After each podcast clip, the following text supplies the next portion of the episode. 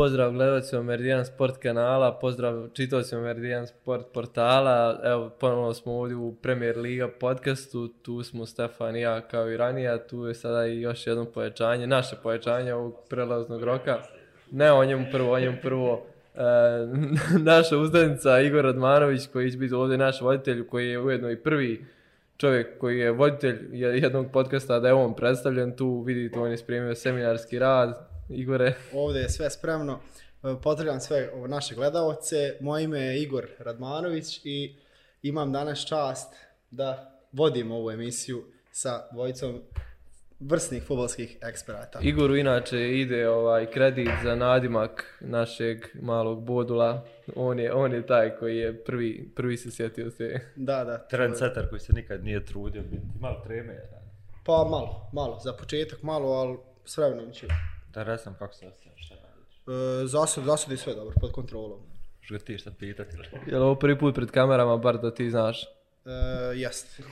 bar da ti Bar da ja znam. Pored ovih čudnih sajtova. Tako Ajde, da. Dobro. Ajde, ja, rad posao, ajde, počnemo od nekog. Evo ovako. Ovaj, u današnjem podcastu ćemo ogovoriti o igračima koji su došli i koji su otišli iz naše Premier Lige Bosne i Hercegovine. Pa evo, prijedlog je da se počne sa ekipom koja je najviše pokazala u proljetnom dijelu sezone, sa ekipom Zrinskog. Ovaj, možemo eto da razgovaramo malo o igračima koji su došli. Ovaj, evo tu se, to je prvo ime Petar Bojo. Ovaj, pa evo možda Marko da ti kreneš. Šta misliš kako je to povećanje? Pa dobro, to, to je ono što se spekuliše negdje još od e, decembra da će Bojo pojačati Zrinski i, on, e, i, i Željničara, pa dio je tih igrača koji su otišli željezničara bez ikakvog obeštećenja, što opet ono proizilazi iz tog duga koji je željezničar imao prema njima, tako da ono definitivno logičan potez za Zrinski da, da pokupi takvog igrača koji se nudi praktično besplatno na tržištu. E, pa definitivno jasno je da Jakirović vidi njegovu ulogu u igri koju imaju, u igri koju on gradi, sad e, malo mi je pokušavam njega ubaciti tu, Uh, zajedno sa Bašićem u terenu i negdje mi to otprilike malo teže ide. Prepostavljam da Bojo možda u početku odmah i neće imati ulogu startera u ekipi Zrinskog, ali svojom, svojim otvaranjem prostora mislim da kako može pomoći i Zrinskovim plemićima i ono, prilike mislim da će se uklopiti zajedno sve to kako izgledalo, pogotovo u prvom dijelu sezone, ono, svojim igrama u Željničaru da se može uklopiti ono kako je Zrinski igrao u prvom dijelu. Pa, ja mislim da je Boja će biti ono rotacijski igrač u Zrinskom, ali možda najvažniji rotacijski igrač. Jer to kaže što on se može da odigra, može odigrati tu desetku na koju igra Bašić, desetku koju hoće Bilbija da igra, može igrati na šestici, na osmici, Zrinski sa Irfanom Hadžićem i Bilbijom će vjerovatno nekad i pripremati i sa dva napadača neki stil igre, gdje opet Bojo može da da igra tu. U vezi, sigurno on nije igrač koji, će, koji je doveden, niti Zrinski bi kad trebao, ni htio da sad dovede igrača koji bi trebao da istera Bašića ili Savića iz prve postave, odnosno da uzima njima mjesto, ali u toj nekoj rotaciji, čak mislim i Kamenar da ima veliku prednost nad njim tu da, da počne utakmicu ako to bude s neka tri igrača u, u veznom, ali mislim da će ono u rotaciji biti tekako korišten, imati ono, bitnu ulogu, s obzirom da mislim da će Zrinski čak sad i proširiti malo fond igrača koji će imati ulogu ekipu, odnosno prvi dio sezona. Pa da, učin, to je to ono isto, baš mi je teško, teško nekako očekivati da, da on uopšte može imati ulogu ispred Bašića u ovom trenutku, naravno što ono, da Zrinski jasno je u stvari koliko da najviše može da zaradi od Savića i Bašića i ono, definitivno da će on biti igrač koji će se isticati u prvi plan i u ovoj sad polusezoni pa i vjerojatno da u sljedećim evropskim kvalifikacijama jer ono, to, to je nešto što će podići njima dvojici. Um, boj odlično se uklapa Zrinskom u tim trenucima da, da njih dvojica ne dođu do nekog prevelikog zamora i mi za tu najveći plus za Zrinski, pogotovo to po ono što kažem što je Boj besplatno došao. Čak nam je neko da sam napisao, napisao u grupi ili negdje kad smo pričali s nekim, neko je rekao da je Sarajevo najbolje dopunilo ono što im je trebalo, ja mislim da je Zrinski, s obzirom na ono poziciju na tabelca, cilj da se sprema za Evropu, da je možda odradio najbolje s tim, ono i sa Bojom i sa Hadžićem kojim ćemo poslije, ali mislim da su oni tu najkorektnije odradili. Mm, da, ali ono, otprilike jasno mi je zašto je to neko napisao, za, uh, možda Sarajevo jeste izgleda da je dopunilo najviše ono što im trebalo, jer je Sarajevo puno tog trebalo, pa su onda puno tog i dopunili. Zrinskom nije puno tog trebalo, dopunili su tačno onoliko malo koliko im, koliko im je trebalo. Opet Sarajevo je došlo do velike promjene, pa velikog broja dolazaka i dolazaka stvarno kvalitetnih igrača i zato izgleda kao da je možda Sarajevo jesu odradilo najbolji prelaz na ovom trenutku, ali Zrinski nije imao potrebu da radi to što je Sarajevo moralo da radi. Pa ja bih samo nadovezao, ovaj, pomenuo ga je Stefan, ovaj, Irfan Hadžić, novi napadač ovaj, iz radi se o visokom napadaču, korpulentnom, koliko će sad to unijeti ovaj, i da li će uopšte ovaj, imati prostora za njega, gledajući ovaj, sav potencijal u napadu Zrinskog. Pa ja mislim da hoće, mislim da će biti jako bitan igrač, jer ono, prva stvar je kad pitaš Bilbiju koja je pozicija koju ti htio igrati, on će reći za špice.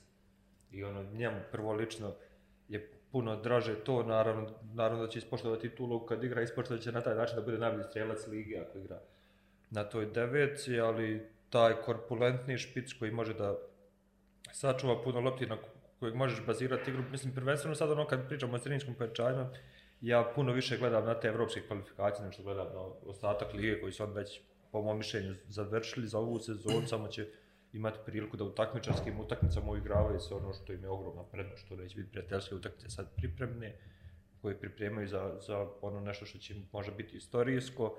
E, mislim da je on tu jako bitan s aspekta što kad Zrinski naleti na ekipu protiv koje neće moći baš da igra ono što Zrinski hoće da igra, on će biti ta snaga Zrinskog preko koje ćeš moći preskakati teren, preko koje ćeš onda tu opet kada dovezeš i boju i Bilbiju koji tu može biti sve igrače koji imaju dobar osjećaj za prostor, koji mogu napasti taj prostor uz jednog tog korpulentnog igrača, mislim da ono, može donijeti dobro stvari.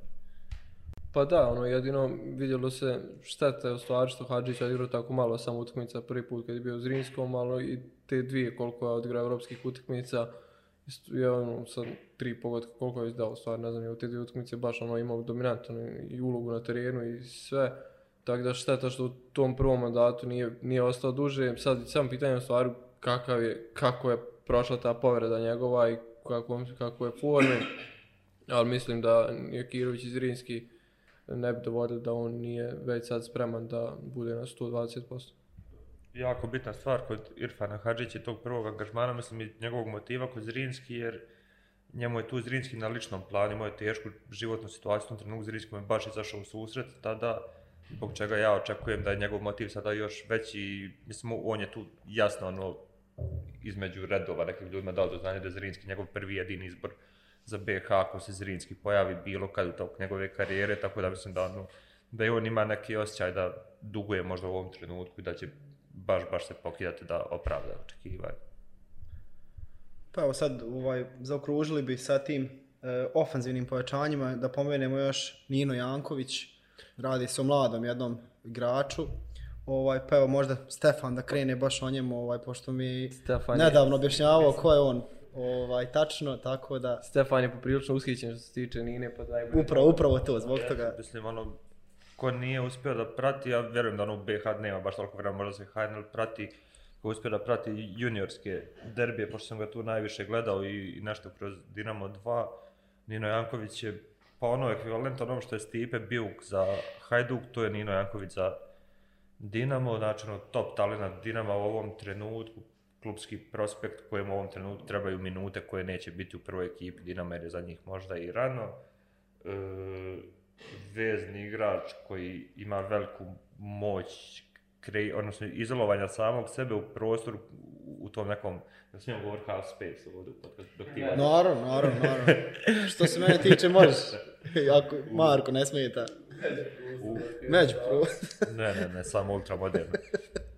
Isto kao spesa među prostora zna da bude vrlo okomit, da se slomi ka golu i ima jako, jako dobru završnicu. Tu može se koristiti kao organizator igre i kao pokretač automatizma kad se dođe u posljednju trećinu, znači može ono i 40 metara od gola se povući po organizovat napad, može naći dobro rješenje na 20, neki podvaliti dobar pas, odvesti ekipu kao ubrzanju te završnice, tako da ono, za mene, mimo golmana koji je završio Premier Ligu ovog, o, ove zime, što se tiče mladih igrača, daleko, daleko naj, najveće ime, mislim, ono ko će se razviti jednog dana, najveći, najveći potencijal u principu. Da li je to onda novi Modrić Premier Lige? A ne, mislim, ono, sad, da će neko biti Luka Modrić koji će ikad više igrati Premier Lige. Dinamo Zrinski. A, sulud, ali Luka Modrić i Zadran Nino Janković nije tako da opšte. Dobro. To je bilo to. Evo ovako, to je bilo što se tiče e, ofanzivnih pojačanja. E, što se tiče defensivnih pojačanja, tu su dva ovaj, mlada igrača, Josip Radoš i Gregor Gulišija. Ovaj, Ja mislim da ja se pravi što ima prosljeđeno dugopolje na posud, tako da neće igrati za Zrinski. ja se izvinjavam, to je onda moj previd. Ovaj, uglavnom, tu se pominje također i Dejan Trajkovski, radi se o iskusnom lijevom beku, ovaj, koji može da pokrije cijelu tu lijevu out liniju. Tako da, evo, šta mislite o, o, o tome još, da zaokružimo to Pa ta što se tiče. Gulšije, to, to bi ću opet prepustiti Stefanu, jer ono, ne znam ni ja, ja isto ne znam, ono znam da si ti najavio kao neko ko veliki talent i dolazi iz Lila, momak, ono, To sve napisao u naslovu na portalu da je veliki talent, ali dobro. a dobro, dobro. I dolazi iz Lila, tako da, kon- kontam da je dobar. Treba biti. Trebao biti.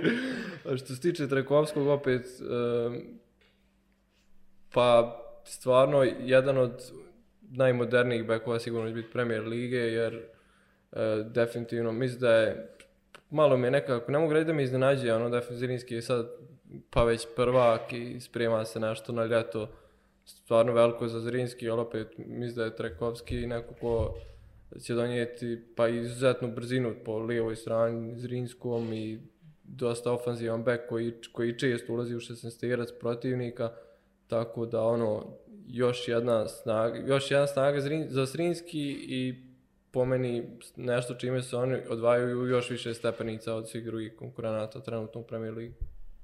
Pa, ono, princip, kad bi neko pitao gdje najmanje škripi iz Rinskom na prvu, ovako to bil bekova, pita drug, prvu pol sezonu, ali onda, znaš, opet kad pogledaš da sve druge futbalske stvari, povrede, mogući će odlasci tipa i, i Čorluke, dobro, Bekić neće vjerovatno otići toliko lako kao što će Čorluk, ali Bekić je bio često povrijeđen, zamijenio ga je Memija koji je donio tu prednost da on otvaraš napad pa sa dešnjakom na lijevom beku, ali ti očigledno treba i, i dodatni ljevak, pošto Bekić ne daje to pouzdanje da će odigrati sve utakmice u, u polusezoni.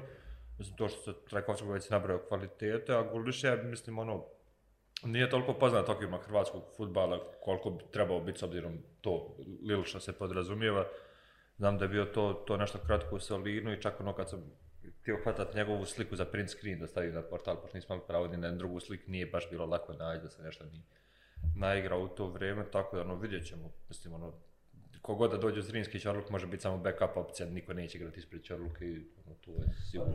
Da, ono, zato me, zato me iznenadio, isto kažem, iznenadio me dolazak dva beka, pogotovo Trekovskog koji je top back, ali opet ono, očigledno opet pokazuje i namjere Zrinskog, što ono još jedan dodatni plus i biti zbog ovog malo nagrđeni, ovaj, ko za ovaj Jakovljevića i, i Barišića.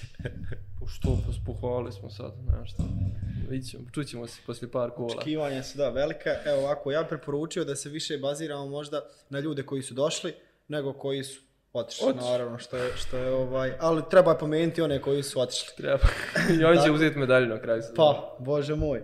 Tako. Tako je to, ono, hoćemo izaokružiti sve pod, pod jednu temu. Pa mislim pod jednu temu pa da otprilike kažete šta bi moglo biti.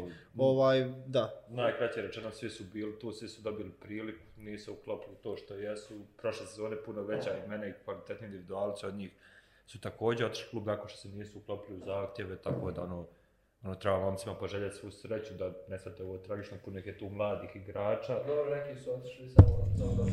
Po, po minute neke koje ne bi dobili trenutno u Zrinskom, ali ono, nije transfer izlazni, nego je vjerojatno samo pozajmica, tako da ono...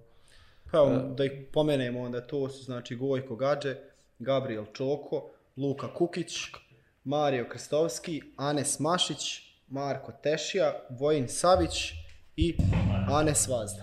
Eto. Marko, Pa ko većina je njih nekako opet, većina njih, najzvučniji? većina, većinu njih ćemo i dalje gledati u Premier, u Premier League.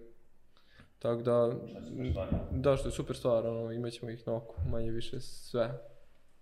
Da me pitaš ko je najzvučniji, iskreno već sam zaboravio spisak, brat, koji je nabrio, tako da ono, Tešija možda, ne znam. Ko je naj, koga su uopšte najbolji?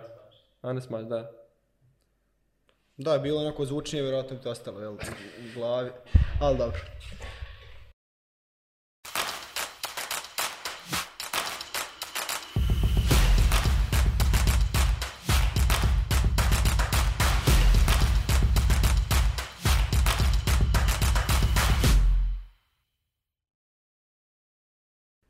E sad bi ovaj prešli znači na Tuzla City.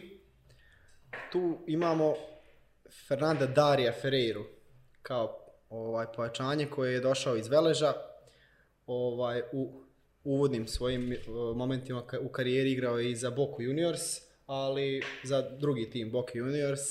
Pa evo da vidimo ovaj koliko on može pridonijeti u ekipi Tuzla City. Ja, e, meni ono malo prije kad se rekao pričat ćemo o igračima pa koji su došli, neko koji su otišli, Tuzla City jedini klub gdje više treba pričati o njima koji su otišli, ali ćemo prvo naravno ispoštovati redoslijed, e, pa ne znam, mislim, ono, Dario u Veležu je toplo hladno bio praktično i ja od njega ne očekujem stvarno da će biti bilo kakav oblik prevage u, u Tuzla City, mislim, ono, gdje su bekovske pozicije čak i jako bitne, gdje ono, Efendić odlazi vjerojatno nezadovoljan minutažom, a sad neko procen da li je Dario bolji od Efendića. Pa mi- mislim da je- mislim da je prije konstantniji od, od Efendića, da je on pa u Veležu pokazao negdje svoje kapacitete i svoj maksimum, da on teško da može igrački preko toga i otprilike negdje jasno šta se može očekivati od njega u svakoj utakmici, e, neke izražene svoje kvalitete koje može donijeti neku dodatnu prednost u ne vidim da ima, ali definitivno ono... Šta? Borben, da. Ali ono, vjerujem da u tim trenucima ako im je potrebna backup opcija da je bolji, da je, da je sigurniji u stvari od Efendića. Sad, dosta je, eh, dosta je dilema i rad što to koliko je Efendić stvar dugoročno može donijeti više Tuzla City od Ferreira, ali to je opet njihova odluka i Pa je meni to, to manje više ono što kažeš, ono, Efendić ni igrač koji će u Premier Ligi trpiti da sjedi na klupi, Dario će može čak i vrlo rado pripada sjedi na klupi, ne znam, mislim, ono, nije da nije ni naviko da, mislim, nije da ima naviku, da je on taj koji apsolutno je sigurno počinje utakmice, tako da, ne znam, nije mi toliko zanimljiv koliko nam jedan Argentinac koji prelazi iz jednog kluba u Premier Ligu, u drugi klub u Premier Ligi treba biti zanimljiv, iskreno, tako da, ono, čudno mi je malo kod njega. Dobro.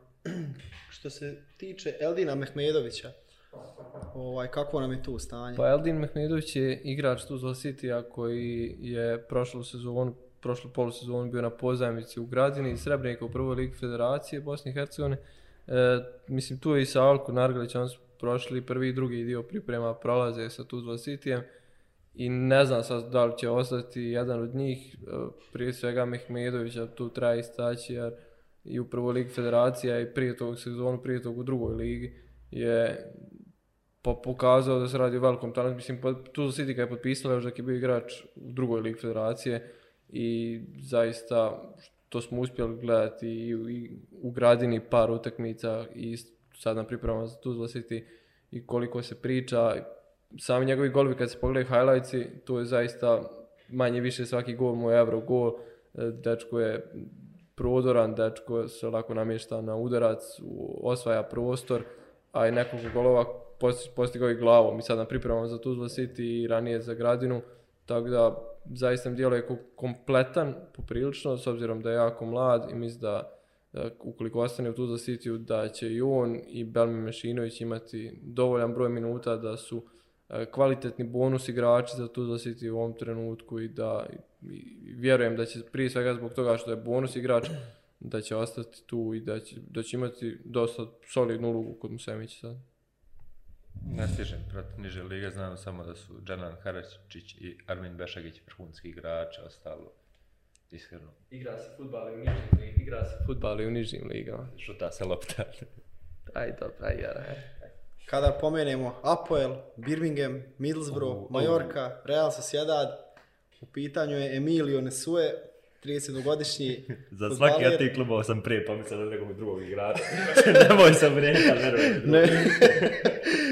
u Emilio Nesue nije još došlo do zvančnog potpisa, a kada sam nabrojao ove već pomenute klubove, ovaj, kako mislite da će se ovaj, ovaj futbaler snaći na premier ligaškim terenima i da li će mu biti možda jedan vid šoka ovaj, kada bude nastupao? Znam samo da je kapiten svoje reprezentacije, što onako zvuči dosta moćno, ali onda kad kažem da je ta reprezentacija ekvatorijalna Gvineja, to mi nešto ne, ne, ne ulijeva pouzdanje. Sad su ali- baš, Smo jači od njih puno, jel?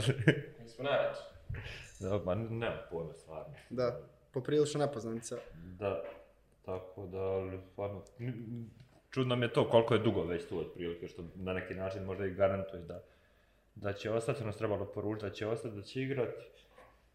Mislim, ali nismo nagledali Tuzla City ni transfer market, kako je Tuzla City previše ažuran što se tiče objavljivanja, novosti, tako da, ono, ajde, nek vrijeme pokaže. Ali baš fino zvuči ovako ove Pa klubove kad sam nabrojao. Pa i ovaj, klubovi imaju onako, Ima ime, ima ime za driblera. A igra štapera, ja. ne može tako. Napravio, napravio je fin baš ovaj, taj recimo futbolski CV. ali nekak luda prognoza da njega preko četiri pogrešno bačena auta ove sezone u budu igrao. Bold prediction. Nemoj bold prediction. Dobro, evo sad ovaj, Stefane rekao si da, su, da je zanimljivije ovaj, pričati o igračima koji su napustili Tuzla City ove zime. Tu je znači Goran Brkić, on je pojačao borac. Da, pa, pa ono, bilo je poprilično nejasno po čega Goran Brkić ne igra prethodnu polusezonu Tuzla City, s obzirom na ono, njegove individualne kvalitete, jest da ima i određen, pa nije mana, ako ga staviš na pravo mjesto na teren, možeš te mane baš, baš dobro sakriti. Ja sam čak jedno vrijeme mislio kao ono, ajde, možda je frajer lud, znaš, no, pa pravi neke probleme, onda sad vidiš, ono, frajer piše poeziju, nije, nije toliko lud, ono, da, mislim, bar očekujemo da nije lud. Tako da, to, to mi je prvo nejasno. Pff, mislim da Tuzla City opet dovođenje Mirzada Mehanovića nadomjesti i upgradeuje čak tu kreativnost koju, koju ima Brkić, jer je Mehanović ono s malog futbala praktično gleda kao da je došao i da rešava situacije, samo ono, najme situaciju, sad ako hoćeš pet igrača, ispred njega on će naći rješenje, što Brkić baš i ne može, ali mislim da je tu Brkić dosta, dosta pokretniji od njega i da nije igrač koji se tako lako treba odreći ono, u, u okviru Premier Lige, pogotovo sad da Tuzla City ima najbolju poziciju ikad na polusezoni, od kad je tu, a ozbiljno, ozbiljno se zakuhava ispod nje i ima priliku da je, da je ispusti iz ruku. Pa da, ali opet logično je kad pogledamo koliko u stvari nije igrao u prvoj polusezoni, logično je bilo da ode iz Suda City, a, ali nejasno je zašto nije igrao, jer ono, ja, moram priznati, ja sam mislio jednom trenutku da je, da je lud lik, ono, nemam pojma, rekao, sigurno ima neki problem. Pa, ono, ja sam isto tu pomislio, vidim sad da nije, vjerovatno, ali sigurno da je bio jedan od najboljih igrača, ako ne najbolji u završnici sezone prošle za Tuzlu City. Sjećam se utakmice, gledali smo u Krupi gdje je riješio praktično utakmicu, mislim spasio Tuzlu od poraza. Znači isto individualni kvalitet, e, odlično rješavao situacije, jedan, jedan odličan udarac imao sa distance, e, odlično kretanje, pa sigurno da imao ti svojih mana, što kaže, ali ja to zanima me stvarno kako se uklopiti borac. Mislim, logično je bilo da, da ode iz Tuzla City, s obzirom koliko je igrao. Ma da, samo pitanje da li on je Suza City otišao praktično u avgustu, ali je ostao tamo da trenira i da li je tad bilo jasno da nije igrač Tuzla City, što ispada sad kao da jeste, ali ono, mislim, nemam pojma stvarno. Možemo i dalje. 17. januara ove godine napadač Vojubi Parip je pojačao radički. Sad, ovaj, da li će to biti gubitak određeni za Tuzla City i kako vi vidite tu taj odlazak? Ako Krpić da 10 plus golova, neće niko pitat za Vojubu pari, pa ono, ali Isto mi nek- mislim, ne znam, ti financijski okvir Tuzla City su jako čudni, gdje nekad djeluje kao da neko odlazi zato što je bio višak platnog spiska, u drugim situacijama djeluje kao da na platni spisak mogu sad 70 igrača i da ih ono boli briga što je 70 igrača. Isto mislim da nije igrač za, za lako odricanje, ali opet mislim, kome je alternativa u principu? Salko Nargalić je tu trenira ili tako?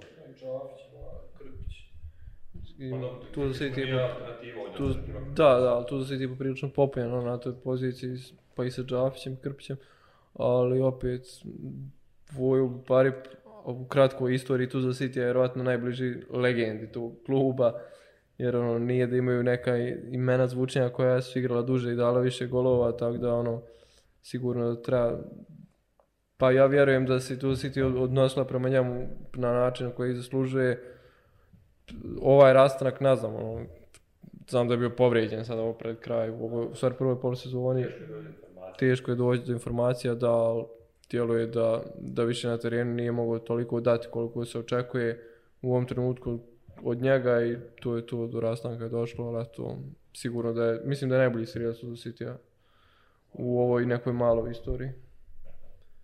Pa pomenuo bi sada Samira Efendića i Bobana Đerića. Radi se o desnom beku i lijevom beku. Ja trenutno nemam informaciju da su oni pronašli neki angažman. Imate li vi, vi možda? Ja nema, mislim, nema ni transfer market koliko smo Da. gledali, tako da... Pa ja bi se tu više zakačio za Efendića i taj odlazak igrača koji odlazi iz Tuzla City, a, a može da bude dobro pojačanje za mnoge klubove u Premier Ligi. I tu bi opet išao uvijek ka tom ono prenatrpavanju igračkog kadra koje Tuzla City s vremena na vrijeme uradi, gdje ti jednostavno igrač svakom lično stvoriš i taj osjećaj, aha sad hoću da odem i hoću da budem baš protiv tebe dobar negdje drugog, mislim, ono, tako da. I, i čak, u principu možda sam predaleko otišao, možda čak ni, ono, nije mi to mislim, već mi mislio koliko igrača, na primjer, koje oni puštaju iz kluba, njih mogu koštati nekad poslije u principu. I koliko misli ti igrači mogu oduzeti bodove i koliko u nedostatku istih tih igrača na koje se može naviknuti da nekad krpe neka mjesta ovaj, mogu gubiti iz, iz svoje perspektive. Nemam stvarno šta da to je, to je sve si rekao, brate, sve si rekao. Ništa. Sve si rekao, brate. Znaš kako je moćno zvučalo. Dobro, fino, fino ste to bili sklopili. to je činjenica. Ovaj, sa tim bi završili generalno ovaj zimski prijelazni blok što, što, što, se tiče Premier lige. Tuzla City, naravno.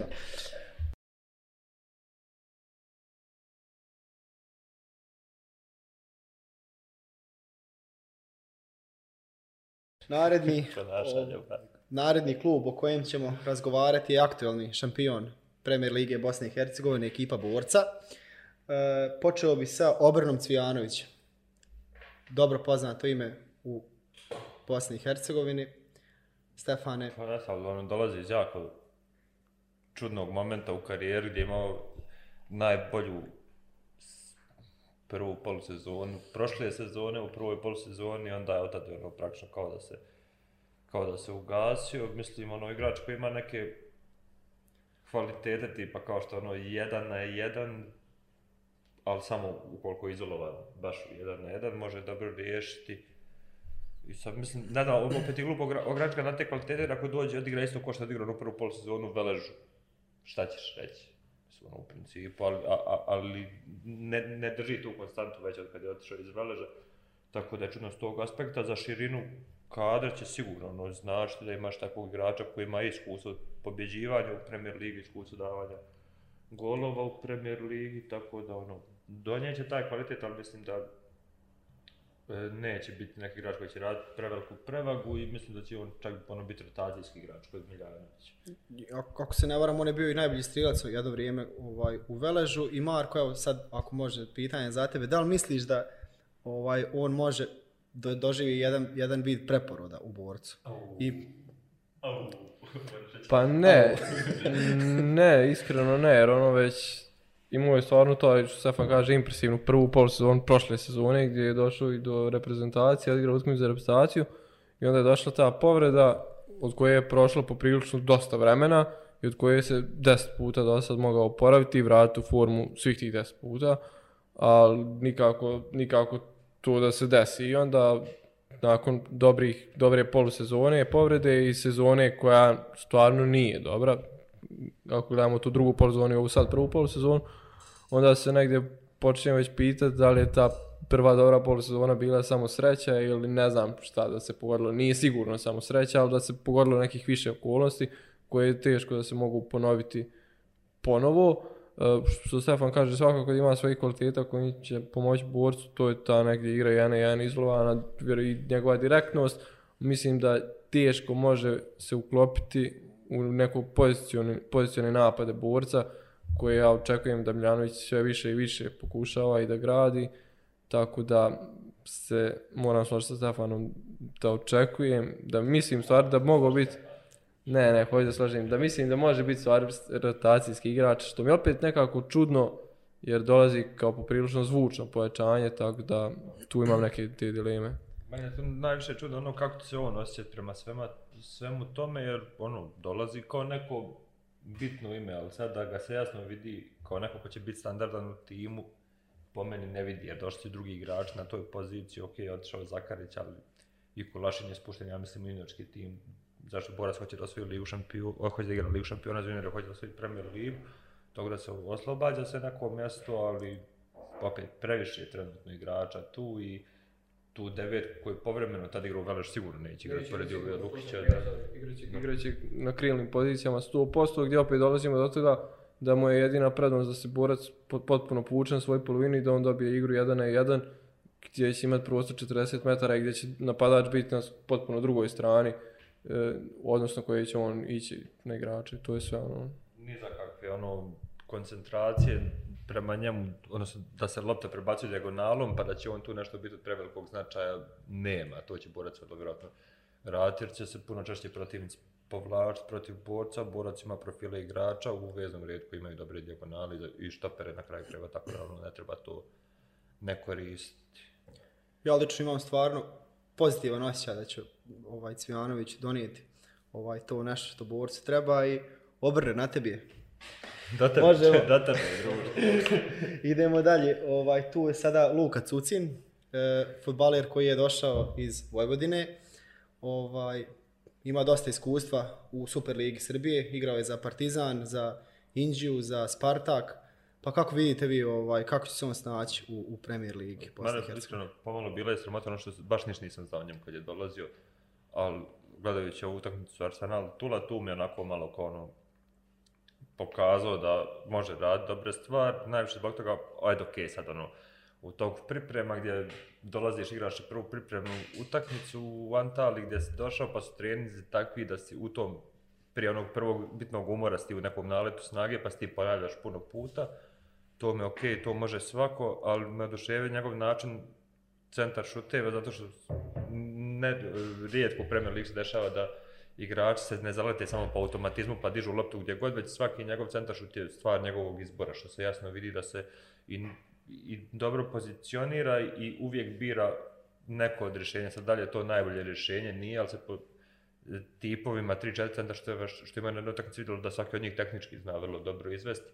Da li to bilo nekom loptom koja će duže leti gađati drugu stativu i, ili će biti odrezani na prvu ili će biti povratna lopta na, na penal ili na 16, svega je toga bilo u njegovom centaršu, tako da mislim ono, na osnovu te utakmice mogu reći izgleda kao igrač čiji centaršut može da izgleda dobro u drugoj polusezoni. Što je borac opet kad su bekovske pozicije u pitanju i, i malo falo, jer Dino Ćorić nije u stanju da se pojavi toliko visoko i toliko brzo, jer je, jer je dosta spori, sa Subom je to na drugoj strani uvijek izgledalo više tako da taj krilni igrač ulazi s loptom u sredinu, što on ima neku priliku da, da centrira, tako da mislim da ono, borac može, ali opet ne mora to uzrok jedne utakmice, mislim da mora ništa znači. Pa ja sam ga gledao još od negdje njegovih prvih drugih priprema s Partizanom, gdje onda počinje u Partizan, pa potom u Vojvodi, mislim da može da da borcu tu neku čvrstinu na, na toj bočnoj poziciji, da je sigurno igrač koji e, pa kao bek neće puno, neće puno borac osjetiti u defanzivi to što e, kad je on, kad on, kad je on na terenu, pošto je poprilično dobar u tim defanzivnim zadacima, mislim da e, što se tiče njegovih trenutno centar šuteva, što kaže protiv utakmice na, na Arsenalu, mi za tu prije svega treba da ide e, u pri- stvar ta što je on prošao pa i omladinsku školu Partizana, igrao u Partizanu, potom igrao u Vojvodini, koji su i objektivno iznad i borca, iznad i Premier Lige u ovom trenutku, ta dva kluba i gdje dolaze iz nekog većeg kluba, da kažemo, u borac i gdje i na tim svojim prvim utakmicama i a, prvim trenizma ima pa sigurno samopouzdanje možda i veće nego što, mislim ne može imati sigurno veće samopouzdanje nego što bi trebalo, ali da još uvijek nema osjećaj u stvari jačine Premier Lige i da će ga to malo iznenaditi stvari kad krene, ali opet ono, to je sve nešto što ćemo vidjeti. E, primijetio sam također i ranije da ima dobar aut, Mislim da je to stvarno može biti prednost borca koliko budu koristili, jer ono, to je malo, malo nešto što klubovi iz Premier Lige rade, a u svim tome se pridaje zaista velika pažnja u Evropi. Tako da to još jedan može biti prednost borca i stvarno je srčan i borben back. Skoro sam gledao na Twitteru, aj, e, neko objavio, neko, ja mislim, 76 varijacija iz auta iz jedne pozicije, na koji ga način možeš izvesti, šta možeš, šta, koju foru možeš prodati, tako da ono. To nema na Facebooku, da. Ne, brate, ja ti kažem, koristi Twitter, bro, to je mreža. Možda neki auto skolut naprijed ili tako nešto. Koliko bi to pridonijelo. Samo igri nešto i ne vjerujem. Ljudi na stadion sigurno što naravno, opet, ono, treba naravno. raditi na tome. Dobro. Sada ćemo o- malo pričati ovaj, o jednoj nepoznanici za ljubitelje futbala u našoj, od našoj državi, pa evo malo da Ferhad Ajaz. Što se njega tiče, pogledao sam samo ovaj, on, tri minute na YouTube njegovih highlightsa, pa onako djeluje poprilično kao direktan igrač koji ima od- odlično ulazi u sredinu, namješta se na desnu nogu sa krilne pozicije, dosta brz, ono može uvijek stvarati tu prednost u igri kad, kad- sa dva čuvara čak. Dobar šut mi djeluje također, ono sigurno neće staviti neko na highlightse kad čovjek ne bi loptu u auto, ali ono, bar u te tri minute definitivno je on, ono, samo logički kad zaključiš bio Miljanovićeva želja, ono, otkud, ili ga neko preporučio ili nešto, ali, ono, trener vjerovatno garantuje za tog igrača, a ako trener garantuje za igrača, onda nek trener odgovara za igrača. Dobro, pokušat ćemo dovesti, sad nećemo dovesti Miljanovića u novi podcast da objasnimo, objasnio, a ja za ono, ali pitat ćemo ga nekad na presu, eto, pa. Pa ne, to mu ulija u stvari najviše negdje povjerenja u, u, u njega je to što je on direktno želja Miljanovića, tako da ono, vjerujem da će on možda biti najbolje pojačanje borca. Dobro. Sada evo Toni Jović, povratnik u, na terene. E, nakon epizode u Španiji I on i nakon više epizoda u Na portalu. podcastu, na portalu, sve pona, ponovo se vraća. Meni je iskreno drago što se, što se vratio. Ja mislim da je svima drago što to nije Da. majke mi. I, i, I mislim da čak od svih pojačanja, ne znam, mislim, ono od ovog što nam je poznato, sad da ne lupam da će Cucin biti najveće pojačanje, što je meni na osnovu gledalo kao da će biti bitno pojačanje. Od ovog što mi je poznato mi je Brkić, kao ono može biti ako se bude dobro koristilo, ali Toni mi je opet odmah uz njega tu jer Toni ima tu prednost što može pokriti sve četiri napadačke pozicije i ima dobar prekid. Mislim, ono, takvog igrača ne, može, ne možeš baš teško, na, lako naći, za šta god da ga koristiš, koristan ti praktično.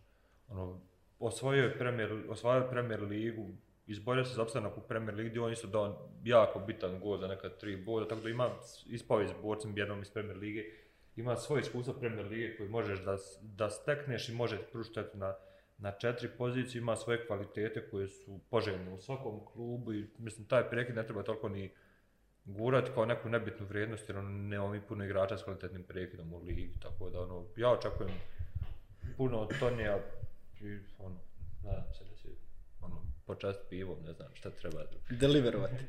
Pa da, to što kažeš, to nije prošlo sve, to nije prošlo sve što se tiče Premier Lige, dolazi u Borac gdje dobro zna kako funkcioniše sve, kako funkcioniše klub, kako funkcioniše slačivonca, gdje nema potrebe dana jednog da se prilagođava bilo čemu i tu je tu on je igrač, on, imamo osjećaj sad kada je došao u Borac kao da nije ni odlazio, kao da je tu stalno, mislim od tog izborenog opstanka s Krupom gdje je postigao jedan gla, glavnih golova za sam opstanak, ali i čitava njegova uloga u toj ekipi gdje on okuplja sve oko sebe, gdje je praktično bio najveća zvijezda tad u klubu, Bobovac možda nije najveća zvijezda, ali definitivno neko ko, ko će imati jako bitnu riječ i ulogu u slučajovnici na terenu.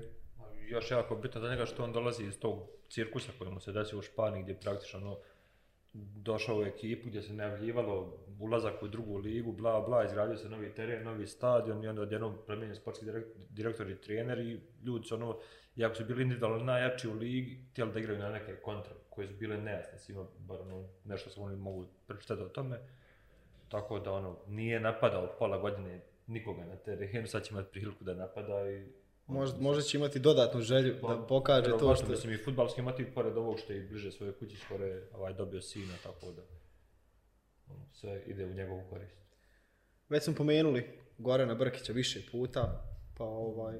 Možemo samo ovo što odigrao do, do sad Naravno. Turac.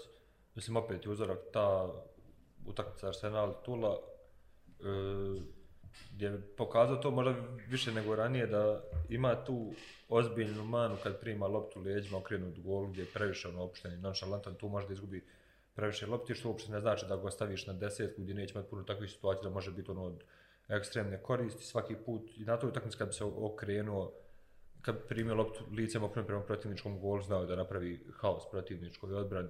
Tako da čak, mislim, već smo gledali da pravi haos u, u Premier Ligi protivničkoj odbrani, tako da tu može, samo mislim da ni u ludilu, ako borac sebe hoće da Brok Miljanović hoće da da on ne smije da igra neku ulogu, pa da povučenijeg veznjaka od desetke.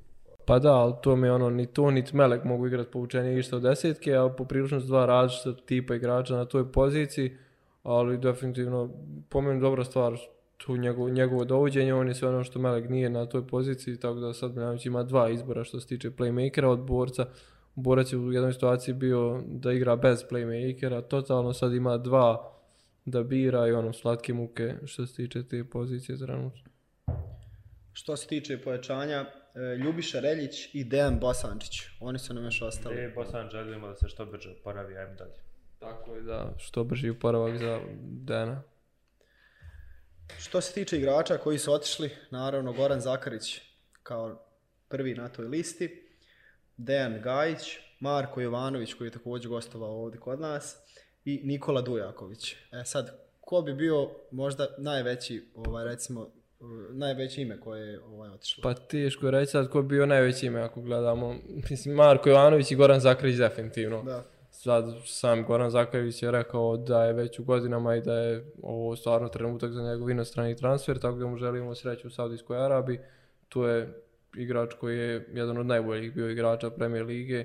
Sigurno imao neke svoje momente kad je igrao bolje, kad je igrao slabije, ali ono ne slabije zato što on u tom trenutku nije mogao odigra, nego je djelovalo kao da je zasićen. On u svakom trenutku djeluje kad hoće da, da može da uradi šta god hoće ovdje na terenu, kogod bio protivnik u Premier Ligi. I ono, to je čisto njegova odluka da ode u inostranstvo, jasna, jasna, jasno koji su motivi, potpuno opravdano i očekivano. Što se tiče Marka, pa Marko je vrhunski, vrhunski čovjek i vrhunski futbaler. E, samo njegov, sam njegov dolazak u borac, samo njegov, njegov taj igrački, koliko je već pravio tri godine ovdje u Banja Luci, puno znači za borac kao borac, jer donio je, pa ja mislim na svakom treningu 20% više profesionalizma u borac, prije samo od tog, od tog profesionalizma koji on unosi na trening, pa sve kako, njegov, kako njegovog ponašanja na terenu, E, to je bila najveća prednost za boraca. Pored tog sve, svega i njegove igračke kvalitete koje su ono na vrhunskom nivou, jasno je da i on ulazi u, u godine da je vjerovatno još par samo može igrati na nekom nivou na kojem sad igra, imao je tih problema s povredom prvi put u karijeri, imao je još, još nekih problema ranije, ali nije bilo toliko u pitanju povreda.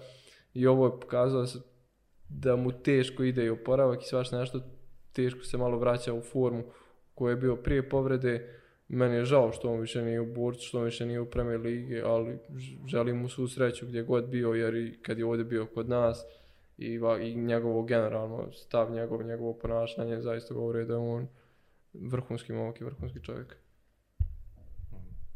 Činjenica je znači da su borac ove zime napustili recimo ovaj ti neki iskusni igrači ovaj da je došlo do jednog vida čak i podmlađivanja ekipe pa da li očekujete vi ovaj malo le, lepršaviju igru borca na proljeće. Pa, da, Više trke i... Ono, tad kad odu Zakarić i Jovanović iz ekipe, ti moraš biti siguran da ih ne možeš nadomjestiti nikako. Mislim, igrači tog tipa koji donose to na terenu i da moraš samim tim mijenjati ono, apsolutno stil igre. Ali je tu meni da nejasno, mislim, ne znam stvarno da li je bilo od Nikole Dujakovića lična odluka, pošto moj brat ono sklonjen u toku sezone, sad da li on odluči da on neće da bude u, u takvoj sredini, ono ne možemo znati mislim, možda se je moglo sad, ali nije okej okay, pričati javno o takvim stvarima možda, ali mi je čudan taj njegov odlazak iz ekipe, jer u puno situacija, onaj bio njegov ulazak s klupe dok je još i Vranješ bio, pa izlazak Vranješa i čak ono povlačenje iz, iz Zakarića s terena, pa onda taj agresivni borac koji ide na taj visoki pritisak, što je izgledalo kao ono dobar plan B koji borac mogao da provodi s tim puno ono bržim igračima i, i poletnim na terenu i tu me nekako njegov odlazak muči. jer opet sad borac u vezom redu ni sa Brkićem, ni sa Melegom, od koji će jedan uvijek sigurno biti na terenu, nema uslove, odnosno preduslove da krene u tu agresiju, odnosno agresivnog pritiska uzimanja lopte. Opet će i ovo Lukić imati puno više prilike nego Moraitis koji je bolji za to da radi, tako da ono izgleda malo konfuzno sad šta bi trebalo da bude opredjeljenje, ali ne znam, vrlo verovatno će borac se nastaviti po meni ostanjati na te bočne pozicije, sa centar šuteve s bočne pozicije, samo što mislim da će možda promijeniti načine kako da donosi loptu. Pa ja očekujem da Borac bude lepšavi u odnosu na prvu pol zonu, ali prije svega ne zbog pojačanja toliko i odlazaka, nego zbog priprema koje će Miljanović provoditi s ekipom prvi put. Mislim da će to biti glavni razlog što se tiče Borca. No. A znaš šta ih muči malo? E, ljudi su otišli na pripreme, i birali hotel koji ima svoje terene. Onda zabili dva terena dimenzija 70 sa 30. I na treningu mogu odigrati 7 na 7 samo. I tereni su toliko tvrdi da svaki igrač pa svakog treninga žali na slobove, koljena, leđa i... Pa dobro, to je loše što ste teren tvrdi, ali možda im je bolje igraju 11 na 11, na terenu 70-30, bit će veći prostor, bit će im lakše onda igrati tamo veće. Možda i jedna vrsta čeličenja. Da, trebamo samo dodati, iz borca su otišli Ante Živković e, i Nikola Lakić. Da, on- da, njih dvojice su, njih dvojice su otišli isto, ne znam je li još neko, ono. Mislim, od ovih što su bili baš prošle polsezone, to, to je to. Ja bih onda predložio da pređemo na futbolski klub Sarajevo. Može. Tu je, što se tiče igrača koji su došli, e, Asmir Suljić, lijevi ofanzivni vezni, došao je iz Diošćera, iz Mađarske. Pa, Ne, mislim, mi za Sarajevo trebamo krenuti uh, sa trenerskom promjenom, jer je jedini klub koji je, ne, nije, Sarajevo i Leotar jedini klub koji su promijenili trenera na pol sezoni, tako da ono, samo daj želju. Odlazak Gorana Sablića, P- ne znam zašto je onda do kraja polusezone bio ako otišao na kraju polusezone, to mi je jedino ono. Vjerovatno nije uspio uvjeriti Mirvića da, da može napraviti preokret. Ja kako imam neke informacije, Sarajevo sad mijenja sve živo. Sarajevo mijenja i PR, razumiješ? Sad Sarajevo mijenja sve živo u klubu što postoji. Tako da je Mirvić vjerojatno htio neki ono duži dolazak u Sarajevo da dobije da bude to da promijeni stvari koje je htio da promijeni. Pff, Opet ne znam, ono, ako promijeni trenera, meni je Sablića malo žao, ja i dalje mislim da on ono, u krivo vrijeme na krivo mjestu bio, tako da ono, žao mi je tog podrženog potencijala, jer sumnjam da će se poslije ovog vraćati u Premier ligu ikad više. Pa ne znam, ono, kad se drugi put vratio, ne vidim što ne bi treći put. Tako da što s njega... Pa dobro, da ne ostavlja ovako da se radi popravi stvar, da svađa ukći. Ovo što se tiče Vasovskog, ono, nemam pojma, ne znam šta bi rekao, kad ne znam čovjek, ono, vidjet ćemo sad u Premier Ligi i to je to.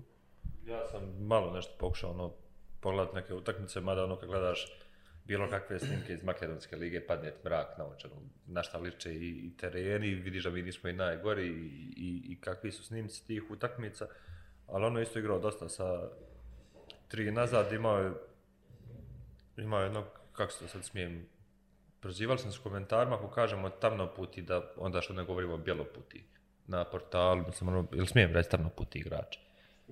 Mislim, jer ne vidiš toliko detalje iz, iz koje države tačno dolazi, ni kako mu ime i prezime, ali sa njim imao neke čudne zadatke i izvlačenja i tamo je kod njega igrao nekog lijevog napadača, mislim u 3-5-2 koji se dosta, dosta se izvlačio, odnosno ulazio u, u, u sredinu terena, odatle on postao taj kreator igre koji bi uglavnom šibao dijagonali na jednu dvije strane i svaki od tih napada njihovih, bar ono kad filtriraš na, na instatu i dođeš do ono ofanzivnih akcija iz pozicionog napada koji završe šutom, sve na centar šut.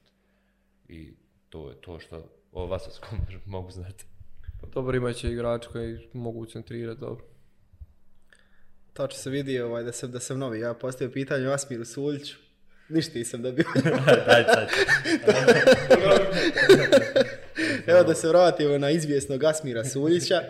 E, radi se o ovaj, izuzetno e, iskusnom igraču e, koji ima bogatu internacionalnu karijeru. E, dolazi iz e, druge mađarske lige, iz tima koji se borio, to jest i bori se i sada za ulazak u prvu mađarsku ligu. E, kako vi vidite ovaj, ovo pojačanje? Pa vidjeli smo taj hype koji se u Sarajevu diže oko svakog igrača koji dolazi i odjednom svaki igrač koji dođe u Sarajevo na društvenim mrežama odjednom najbolji igrač ikad koji dolazi u, u, u BH Premier ligu. E, tako da ne znam, mislim, ono, druga mađarska liga opet nije liga za koju mi možemo reći da je loša. Nemamo nikakve, ono, odnosno nismo u toj poziciji kao liga i kao... Pa, Evo ga, Bedran Vrhovac koji je bio u reprezentaciji Bosne i Hercegovine, otišao u drugu, ne, u drugu rumunsku ligu, slično. Da, druga rumunjska je loša već, mislim, ono, mo, možeš reći da je loša, ali, ali za drugu Mađarsku je teško, jer ono, futbal je u ekspanziji u Mađarskoj već ono, 5, 6, 7 godina i ima i, i terena, i igrača, i, i, i svega tamo zanimljivog. Tako da opet, ne znam, u tom nekom nagomilavanju ofanzivnih igrača od kojih se očekuje da budu prevaga, on dolazi na taj neki spisak od pet ili šest, ako tu računaš i Bodula koji je već tu. I, ma, ma da li broj samo igrača koji ne možeš koristiti u istom trenutku. Imaš i dalje otvoreno pitanje Fanima, mislim, možda dok mi objavimo ovaj podcast Fanimu već bude, ovaj, već njegov slučaj bude razriješen, bude poznato koji će biti njegov status ili ne status u, u, u, u Sarajevu, ali ono da izgleda zanimljivo, izgleda zanimljivo da svi jedva čekamo da ga vidimo, svi jedva čekamo da ga vidimo. Problem je što Sarajevo samo streamuje utakmice, pa onda ne možemo gledati poslije ništa, tako da nismo stigli to pogledati, ali ono, pusti vreme pa nek, pa nek pokaže, ali da ono, može biti obećavajuće, može i čak više nego ovo što smo pričali o nekim pojačanjima borca, puno više kredita se na početku možda treba dati njemu nego nekim igračima koji su došli u borac. Ponovno igrač sa niskim težištem na nekom velikom prostoru, ne vidim da može puno tog donijeti Sarajevu u odnosu ono koliko recimo Fanimo može kad je na terenu, tu neku dodatnu opasnost. Da se recimo, da se mislim, mislim da se njemu više može puno više ostati prostora nego što je to u pitanju Fanimo, ali mislim da je on dosta opasniji negdje kad je igra pa oko 16 protivnika, kad je on u 16 protivnika dosta lako ulazi u šanse i to je negdje njegova najveća prednost. Opet kažem, u nekoj, u nekoj otvorenoj igri mislim da ne može puno Sarajevu pomoći ni u defanzivi, ani da stoji na 50 metara od protivničkog gola, mislim da je, nije toliko opasan. Nakon Suljića, tu je još jedan e, iskusni futbaler, zadnji vezni Adnan Šećerović. Pa, koliko će on pridonijeti u veznoj liniji Pa Sarajeva? dobro, on je opet dolazi isto iz Grčke, negdje igrao je u Grčkoj gdje opet govorimo o boljoj ligi nego u Premier Ligi Bosne i Hercegovine i tamo je ono imao neke zaista dobre utakmice. Pokazuje, ne znam, pokazuje neku mirnoću koju ima na sredini terena mi za može tu donijeti prije svega Sarajevu da može pomoći Sarajevu pri organizaciji napada jer je Sarajevo i to je imalo problem u prvoj polusezoni da jednostavno loptu iz štoperskih pozicija prenese do uh, playmakera, do bodula i mislim da je, da je to, da će to biti njegova glavna uloga sad u Sarajevu. Sarajevo u prvoj polusezoni praktično sve što je gubla, gubla je na toj poziciji. Tako da ono, mislim, još nam je on i dosta poznatije ime generalno ono, u Premier Ligi, dosta su ono svježija i, i, i, i slikovitija iskustveno praktično ga se bolje sjećamo, tako da ono, jasno je šta on može sad samo ono, pitanje da li će to sve uspjeti sprovesti u djelu na terenu, Sarajevo će vrlo vjerojatno igrati s tri nazad, gdje će on biti jako, jako potreban i da preuzima tu loptu od odbrane i da je distribuira dalje. On, ograničenog djelovanja na terenu u smislu kad se uzme cijela slika igrača ekipe Sarajeva ko će vrlo vjerojatno imati kakav značaj ulogu u ekipi, ali da on može imati jako bitnu i neprimjetnu hoće moći, mislim da može biti jako, jako bitan igrač Sarajeva u nastavku sezonu. Već smo pomenuli ovaj, ta pompezna najavljivanja ovaj, novih igrača Sarajeva, pa jedan od njih je svakako i Hamza Čataković. Vidjeli smo kako je najavljen kroz onu WhatsApp prepisku. Ono je baš interesantno, čak i za ljubitelje drugih sportova da vide onako predstavljanje. Pa, ne, Da li, pa htio sam postaviti pitanje. da li će on opravdati tako predstavljanje? Ovaj, šta mislite? u ja sam ubijeđen da hoće pomenuti Hamza Čataković daleko najveće pojačanje lige ovog sinčkog prijelaznog roka, mislim i dalje ono ostaje nejasno zbog čega Premier Liga BiH u njegovoj karijeri, ono što je to sad potrebno. Uh, on je prekucao ligu, mislim ne prekucao, već on je bio igrački individualno na jako visokom nivou sa poređenjem igrača iz Premier Lige u trenutku kada je on otišao već iz Premier Lige, došao oko koliko 18-19 godina u Trenčin. Tamo se na njega isto puno, puno računalo i od tamo ga se dovodilo u, u, u vezu sa mnogim klubovima gdje su možda i provjerenije informacije kad mi odavde pišemo iz BiH koji se igrač dovode u vezu s kojim velikim klubovima.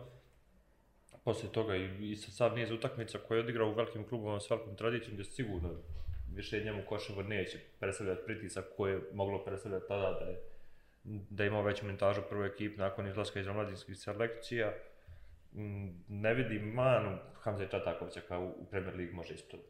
Na višem nivou sigurno da, ih- da, da ih ima, ali na, ja mislim da on ono, dolazi na pola godine nadavat se golova, biti prva zvijezda tima i ono, Siguran pored malog odola. Da, ma može. kakav bol. Dobro, A, dobro. Idemo dalje, Nihad Mujakić. Sad je bolan, imamo čovjeka još jednog. Ja, nije djelovo, nije djelovo kod da želi nešto reći. ne, ne želim, ja sam se nadam da Čataković onda neće biti Mešanović što se tiče Sarajeva.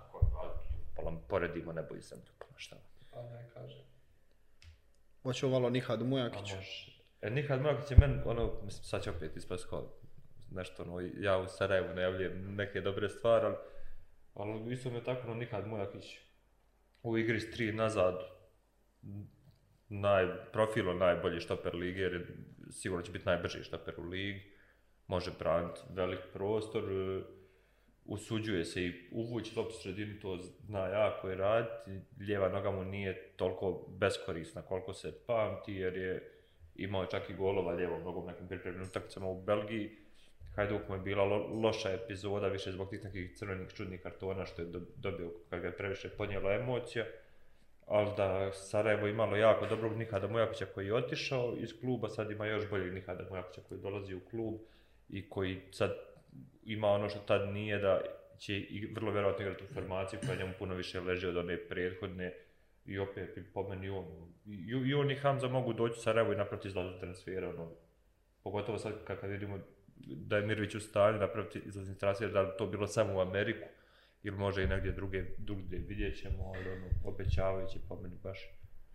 Pa i za mene možda najbolje povećanje Sarajeva u ovom prelaznom roku, po, pored tog što je Stefan sve rekao Čatakoviću, ono, Mujak, Mujak je nešto, on je nešto što je trebalo Sarajevu u ovom trenutku i mislim da ta njegova mogućnost unese tu loptu u sredinu je nešto što će Sarajevo najviše koristiti, što, što im je najpotrebnije, ta njegova ludost, njegova borbenost i to što on osjeća Sarajevo srčanost na svaku utakmicu koju će pružiti je još nešto što je i trebalo Sarajevo od prošle polusezone što nisu imali definitivno pletarično djelovalo u velikom broju utakmica, mislim da on to prije svega ne dozvoliti sebi, a od ličnog primjera negdje kreće sve ostalo i tak da to je to što tiče njega.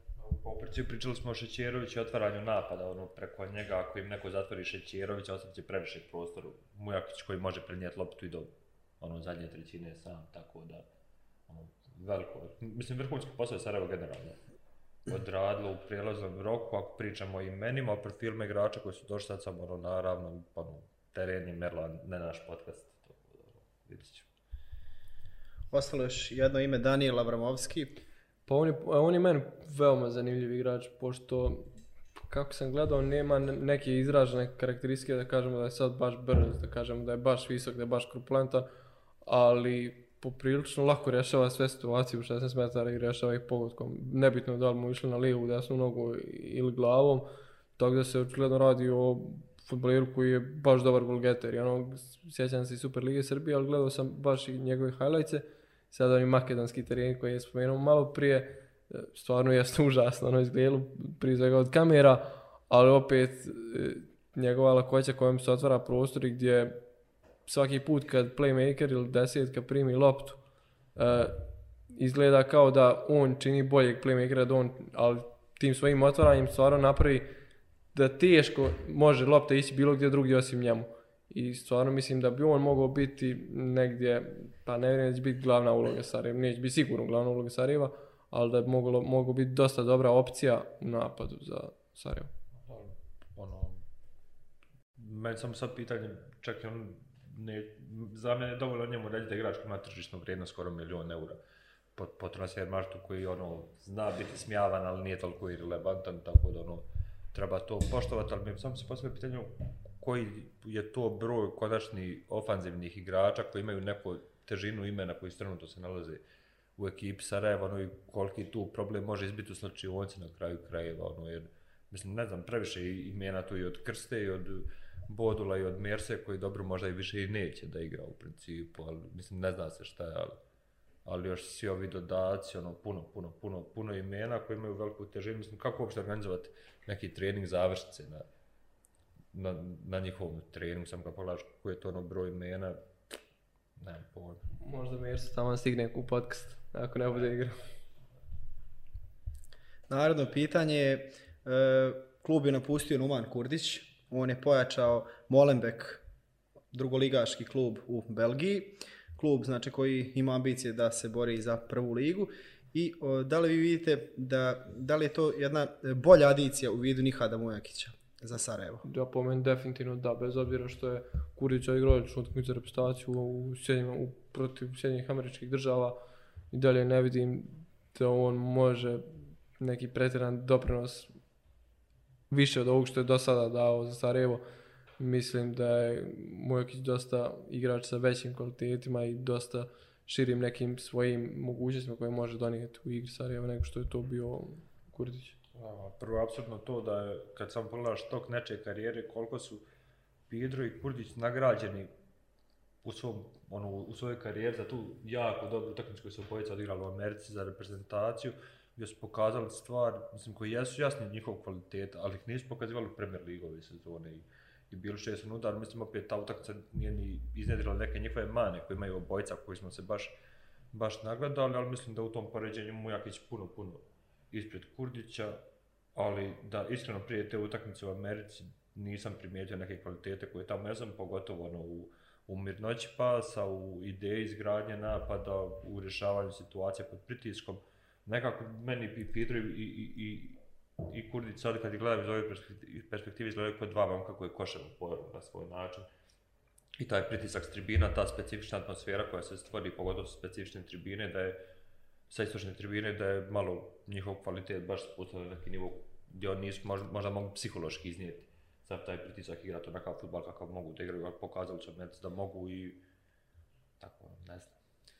kada se u futbalskom sada ovaj svijetu ovdje u Bosni i Hercegovini pomene e, Sjedinjene američke države, kad se pomene MLS liga, nekako tu prvi, u prvom planu iskače Selmir Pidro, koji je stavio paraf na, Para. za St. Louis, jel tako, ovaj, novi klub koji će se takmičiti od februara na, naredne godine u MLS ligi. Ima da se... Dotad ima. ko živ, ko mrtav. Uglavnom. A, recite mi evo sad, ovaj, da li to može utjecati možda e, po- pozitivno na, na, na Pidru?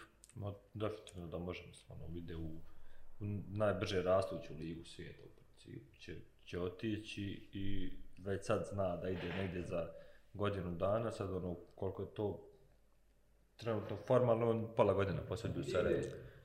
St. Louis. St. Louis MLS liga. Da, da ovima, ovima ko što je Marko objasnimo, znači St. Louis je klub koji praktički u sportskom segmentu još ne postoji. Tako je. Formalno je osnovan klub koji će se pridružiti MLS ligi. Da, ne mislio sam na grad koji igra. St. Louis. Opet, šta, šta ti? mu nećeš ići posjet, šta da ti nećete raditi podcast tamo. Nije mislio sam na Los Angeles. Da, da, jesno. Gdje smo stvarno?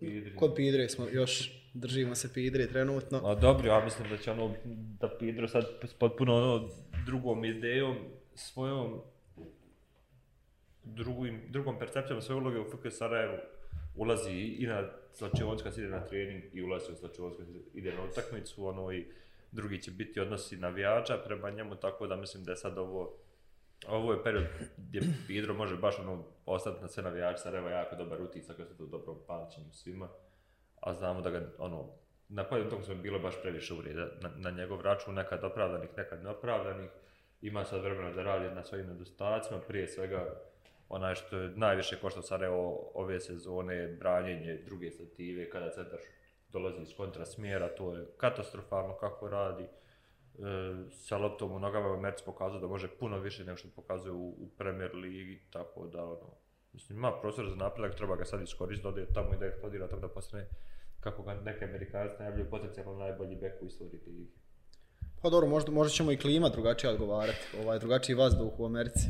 Drugačiji život, hrana. Moguće, vremenska zona mu ova definitivno ne odgovara.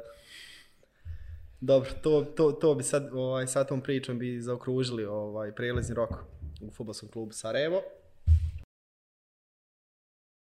Možemo prijeći na prelazni, zimski prelazni rok u širokom brijegu. E, počet ćemo kao i do sad sa igračima koji su došli, to jest pojačali klub. E, štoper Petar Bosančić, E, štoper desni bek, Stefane možeš malo nešto o njemu reći. Više je štoper nego, nego desni bek, ovaj, prošao je Hajdukovu školu, tu se kao jako mlad nametno jedno vrijeme da bude u prvoj ekipi, onda su bile neke trenerske promjene, svašta nešto što ga je poslalo u, u Istru, gdje se praktično ono, izgradio u, na, u, na tom HNL nivou, ono štoper jako čvrsto u duelu, dobar u skoku, ima dobro desnu nogu što može da pogodi dijagonalu solidno, tako da ono ima dobri kvaliteta s kojima može pomoći širokom, pogotovo ono primarno širokom bilo naći zamjenu za obšivača koji je otišao u Uzbekistan. mislim da to Bosančić i, te, i tekako može biti taj igrač koji će čak ono izrasti u ono, jednog od boljih igrača u ekipi široko. Pa evo sad se rekao iskreno, ono, nemam neke pretjerano neke informacije o Bosančiću, imamo ono od tebe što smo vidjeli, što sam pogledao nešto kratko i tu je sve vidim po pripremnim utakmicama da će biti u prvom planu što se tiče širokog brega, a što se tiče čitavog prelaznog roka širokog brega, ono, negdje su se ustabili, sigurno da nije aktivan kao što je bio ovaj ljetni, i negdje su se ustabili pred kraj sezone, pred kraj polusezone Jure Ivanković i sve to pa je posložio, kako je, kako je odmicalo njegovo vrijeme na klupi, sve je izgledalo smislenije i smislenije i za- zato mi nekako ono, logično da nema puno promjena u širokom. Još jedan ovaj, e, iz, futbaler iz omladinskog pogona, jel, Hajduka, Vinko Rozić. Os- Vinko Rozić u principu iz Livna, ono, domaći nam igrač, ima BH pasu, što je ono vrlo značajno. Mislim, nije presudno nigdje, ali je značajno. Da, malo sam, pošto stvarno nisam imao puno informacija o njemu, hvala Ivanu Ljubiću na velikoj pomoći, dobili smo pomoć HNTV-a, ljudi koji su ga ovaj, podrobnije pratili u mlađim kategorijama Dinama. E, njegov opis je kroz ljubine oči da on odskače fizičkim kapacitetima, već ima tijelo za prvoligaški futbal, iako je jako, jako mlad. Tehnički je isto dobar, da je momak na mjestu par puta imao priliku da razgovara sa njim, da mu je glava nameštena, a to je jako bitno s obzirom da je on jedan od glavnih prospekata, jako, jako ovaj, poštovane menadžer agencije koja zastupa i Matea Kovačića i poslan je u široki proračun da uđe u te pr- prvoligaške minute koje su mu potrebne. Juniorski reprezentativac Hrvatske, u drugoj HNL bio poprilično solidan igrač, tako da ono, to što imamo o njemu zvuči kao neko od koga se može puno očekivati praktično, jer ako neko u današnjem Dinamu sada svolimo sve stvari, ovo, maminja i njih računa na tebe, znači da su ozbiljan, ozbiljan potencijal. Pa i to sa bos- bosanskim papirima znači da, je, da će i U21 igrač biti bonus ovaj put za široki brijeg jer ono strani, sa stranim pasima se ne računaju kao bonus igrač. Tako mi za široki svakako nema problema s bonus igračima, ali sigurno je dobro došao još jedan da. Ti spomenuo i Dinamo, ja sam, ja sam ga najavio kao iz omladinskog pogona Hajduka, sad A bio je dug, bio je u Hajduku, e to, da ne bude... Dobro.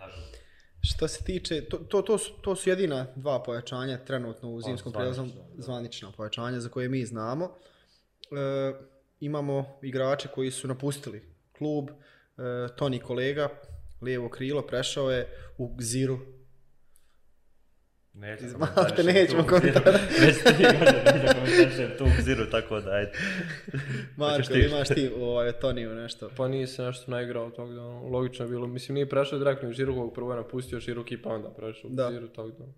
Pa evo, rekli smo da nećemo previše ovaj, pažnje pridavati igračima koji su napustili, pa ćemo pomenuti još e, Juru Opšivača, e, koji je trenutno bez kluba, i Valentina Vujinovića, napadača. Pa dobro, što se tiče Valentina, za široki bolje da nije ni dolazio s obzirom da one evropske utakmice i njegove promašaje pa realno na pecari. Ali dobro, što se tiče Jure, to je negdje naj, najzvučniji odlazak s pecari, to je njihov trenutno najveći gubitak ono širokog. Mada ono, kad smo kod širokog, možda bi ono mogli malo ovu utakmicu sa Veližom, što je bilo u prijenosu s Hajdukom, prokomentarisati, s Hajdukom su gledali puno bolje, ali protiv Veleža su pokušavali u, ulaziti u neke zonske, ali visoke presinge, što se postavilo kao jako loše Veleži, ono u dva pasa i ulazi u šanse, ali na to tako je bilo specifično što su imali istištan teren, ono, u zone praktično je bilo, pa ono, ne znam, ja i, i vjerujem sve više vremenom u radi Ure Ivankovića i čini se kao jako dobar, ali mislim da su tad igrači u tom trenutku bili zbunjeni s tim šta se od njih očekuje i da nije shvatili da je ono futbal toliko situacija igra da ne možeš baš uvijek biti u zonu koju ti je natštano da budeš tako. Ali dobro ima vremena da se prilagode i ta utakmica je bila da To bilo ta neka priča, jel? O, o širokom brijegu. E, pa možemo, evo, lagano i ali sigurno prijeći na željezničar. Evo ovako, tu imamo Prilično Benja- se opustio od početka. Benjamina Šehća. Imam sad osjećaj da sam, da sam malo ovaj, na da sam na stolci. Pa malo prije sam bio na patici dole.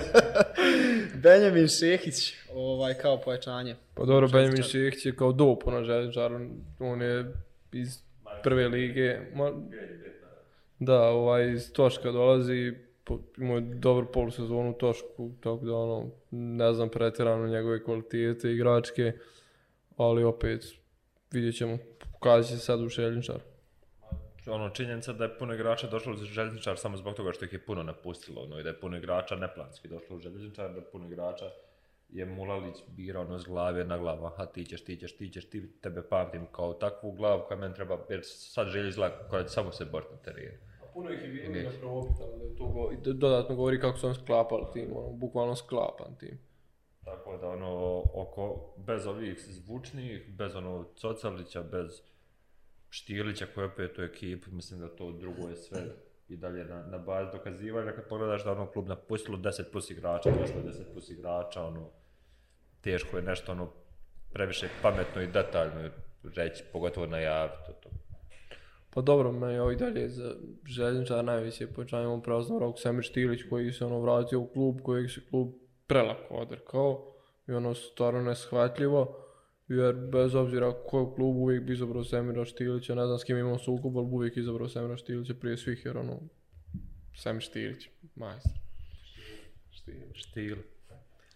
Pa evo, možda da pročitamo evo, te igrače neke koji su otišli pa da pokušamo da vidimo da li će željezničar uspjeti da... Stvar sam izvinu, nadomesti. sekund, meni Marin Galić mi je ok pojačanje za želju. Da, jes, pa dobro, nije da nije bilo okej, Cocalić i Coc- i Cocalić je također bivši reprezentativac, ok, pojačanje, i Marin Galić. Već rekao da kao ozbiljno, Da, ali veliki broj igrača je došao u Željničar i veliki broj igrača je bio na probi i zbog toga smo ono rekli. Tako, za... Možemo i ove, kao ali sam da, pres, da ne komentarišemo svakog pojedinačno. Da, da, pa evo, znači, klub su napustili Petar Bojo, Vedran Vrhovac, Mustafa Mojezinović, Bruno Zdunić, to su sve igrači koji su Nosili. nosili, da, Mate Crnčević, Amar Mehić, Ognjen Stjepanović i Da. Mislim, Da. ono, činjenica da želje u drugoj polusezoni neće nimalo lišna želju iz prve polusezone, što je jako dobra stvar za želju. Ne mislim na te igrače, da zbog tih igrača neće otići, da je zbog toga dobra stvar što su igrača otišli već ono, dobro je za želju da ne bude želju iz prve polusezone, sad ono sigurno će biti drugačiji. Otišao je trener. Otišao je trener. A ne znam, nis, ni, ni, nisam znao. Da se nadovežemo na to da je bolje što Željničar neće lični Željničar iz prve polusezone. Ima. Možda, vjerovatno, ono, ne znam. Ja mislim da on uđe u slačunac, kaže ono, tako i tako. Ajmo dalje. Idemo dalje, znači, ne dalje, ostaćemo na želju. ostajemo naravno na željezničaru kao što Imamo smo pitanja za to neka, pa ćemo tu. To ćemo poslati. važi. Ovaj, Aleksandar Vučenović, kao pojačanje željezničara. Pa opet igrač koji ima igranje, igra, igrač koji ima iskustvo igranja u Austriji koja je nemjerljivo jača od Premier Lige Bosne i Hercegovine. E, potom je bio u Finskoj, pomalo nejasni transferi njegovi iz Austrije u Finsku, pa na kraju u željezničar. Nekako mi djeluje kao da ide nekom silaznom putanjem. Dobro, ne silaznom putanjem, mislim da je željezničar opet veći klub ko, od onog koji, kojem je on igrao u Finskoj, sigurno ne mislim ali opet kažem, pokazujem se, moram biti iskren, gledao sam ga na video snimcima najviše, ali opet djelovalo je da stvarno ima odličnu završnicu, e, poprilično, poprilično je drugačiji tip od Juričića, gdje Jurić dosta više učestvovao u igri svoje ekipe, gdje dosta više i odblađa negdje protivnike, gdje stvarao prostor za svoje saigrače. Mislim da, mislim da Vučenović neće to toliko moći uspješno raditi kao što je radio Jurčić, ali da će biti odlično, odličan plus da kažemo ta neka Martinela koja može biti na ivici 16 za Ženčar, kad Ženčar ima loptu i kad gradi pozitivni napad, da može biti, uh, može biti odličan i, uz, i u kontranapadima jer poprilično dobro se rješava svojih čuvara negdje bez lopte i ono što sam vidio stvarno da ima dobru završnicu i dosta njegovih šansi završava napad golovima. Pa, pa mene kod takvih igrača ono gdje im karijera kao na izgled ide silaznom putanjom, ključno može biti to što mu može željo biti neko ono buđenje i sna, s obzirom da u želji znaš kakva ta atmosfera čeka kada daš gol. I praktično i ono gladan s tog osjeća i to je druga perspektiva futbala nego igranje u Finskoj, tako da mislim da ono s tog aspekta može donijeti puno. Ovo da, dosta što sam gledao da dobro kretnjom reaguje na, na centar tebi da se stvarno zna dobro, dobro pojaviti, mada mu tu završca nije bilo nešto spektakularno, ali je bilo tu negdje, bilo u, u pola metra, mislim, nije ono bio cirkus neki, da je, da, da je baš nema, tako da ono, može. Već smo pomenuli Marina Galića i Edina Cocalića. Pa dobro, da, Marin je ozbiljno pojačanje što se tiče železničara. imao je odlične igre u Krup koje su ga je preporučile za transfer iz Krupe, tako da ono, a Marin je neko ko igra u Premier Ligi, ne samo u Krupi, u Zrinskom, poprilično dobro, odlično zna, razumije Premier Ligu i tako da i on i Cocavlić su nešto što je trebalo željezničaru koji je u pitanju odbrane, jer je železničar prošle polusezone imao najmlađu odbranu i onako dosta je tu bilo nekih i prednosti i mana tih činjenica da su to u stvari igrač koji nema apsolutno nikakvo iskustvo. Sad je situacija drugačija, sad mogu imati dva iskusna i dva mlada igrača, što je uvijek negdje najpoželjnija moguća situacija. Galić, onaj desni bek koji kao ono profilno je najmanje fajter na terenu, ali je igrao u Interu i Zaprišć, igra u krug gdje se mora nož da se ono, malo bori tuče, a mislim da će sav identitet igre želje, ovo je počelo biti samo taj fight i da će želje stalno tražiti fight i da je takav i trener, da je takva klima, da je, su takve i trkački kapaciteti ekipe, jer ono, pored tog što ima puno starijih, ima i puno igrača koji ne igraju već zadnjih niz godina na tom nivou gdje se tako ozbiljno trenira i tako ozbiljno trči. Tako da mislim da će Mololić morat prilagođavati baš igru onom što ima, ali onom što on najviše hoće u principu, u svojoj nekoj viziji. Tako da želio sad dobio ono idealan spoj trenera i igrača, samo ono, treba biti malo tu u svakom trenutku objektivan neko želji dobro krene s rezultatima, ne treba očekivati ono da će želju završiti visoko, visoko na tabeli, jer to baš nije realno u ovoj situaciji. Pa nije realno da, ali ono, Socialićem su dobili to što su izgubili sa Vrhovcem, najgleda tu taj neke opasnosti iz prekida i ono, tako da njegovim odlaskom nisu na nekom velikom gubitku, osim što je mlad igrač, otišao je potencijalno koga mogli zaraditi. Mlad.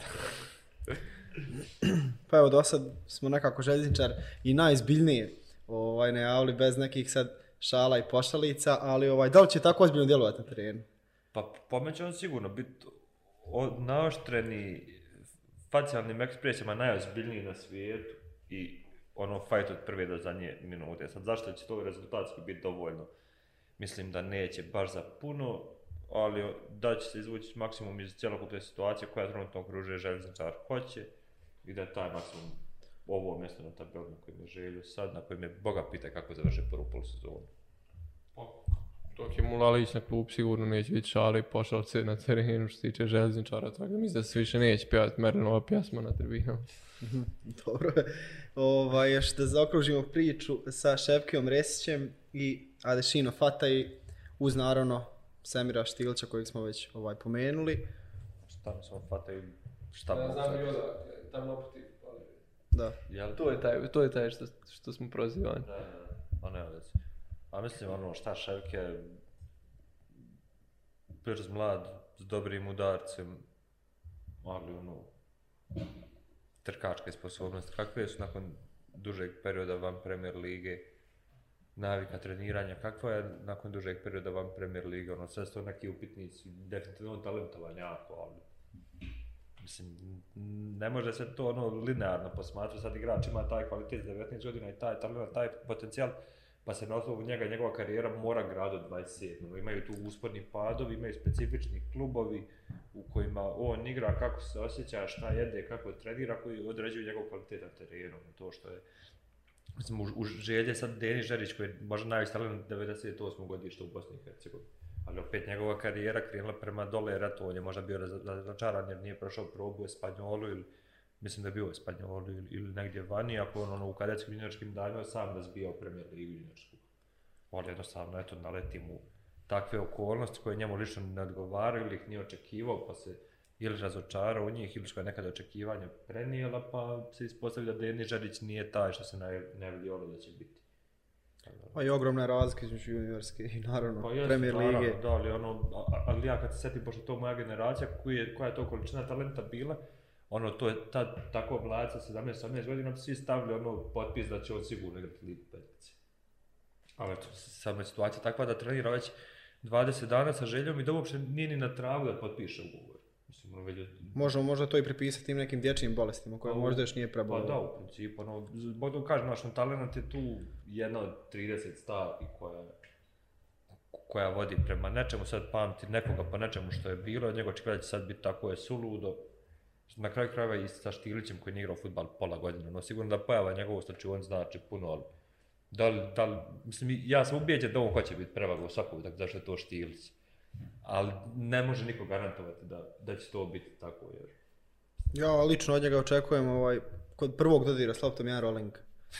Tako da, 7 godina, 7 godina da ne igra futbal stavio u ga. stavio on je, on je ulicu. uvijek, tako da bit će sigurno strah i trepet za sve odbrane u Premier Ligi Bosne i Hercegovine. Pa evo, sa njim bi ovaj, završili generalno tu prijelazni rok željezničara.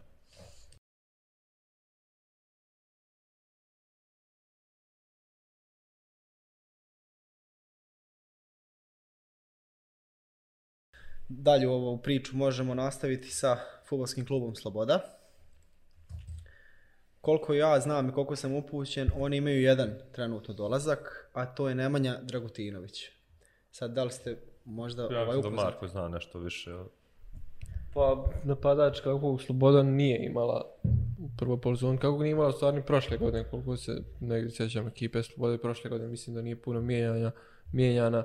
E, mislim da će, im, da će se odlično uklopiti na filozofiju Žižovića jer je igrač koji će pat na tih nekih na to nekoj zoni, to nekom bloku koji će Sloboda stajati poprilično moći da sačuva te lopte kad, kad Sloboda uzme i kad nema rješenje da ih kroz pas iznese, a što uglavnom nema, e, da će biti odličan tu za tu neku Martinelu i odličan je stvarno na centar šutevima, a Sloboda je mislim statistički jedan od klubova sa najvećim brojem centar šuteva po utakmici iz prošle polusezone, tako da je pojačanje, dolazak baš onako po mjeri što se tiče, što se tiče trenutne ekipe i filozofije futbala kojim je Žižović igrao do sada i siguran sam da će igrati i u nastavku.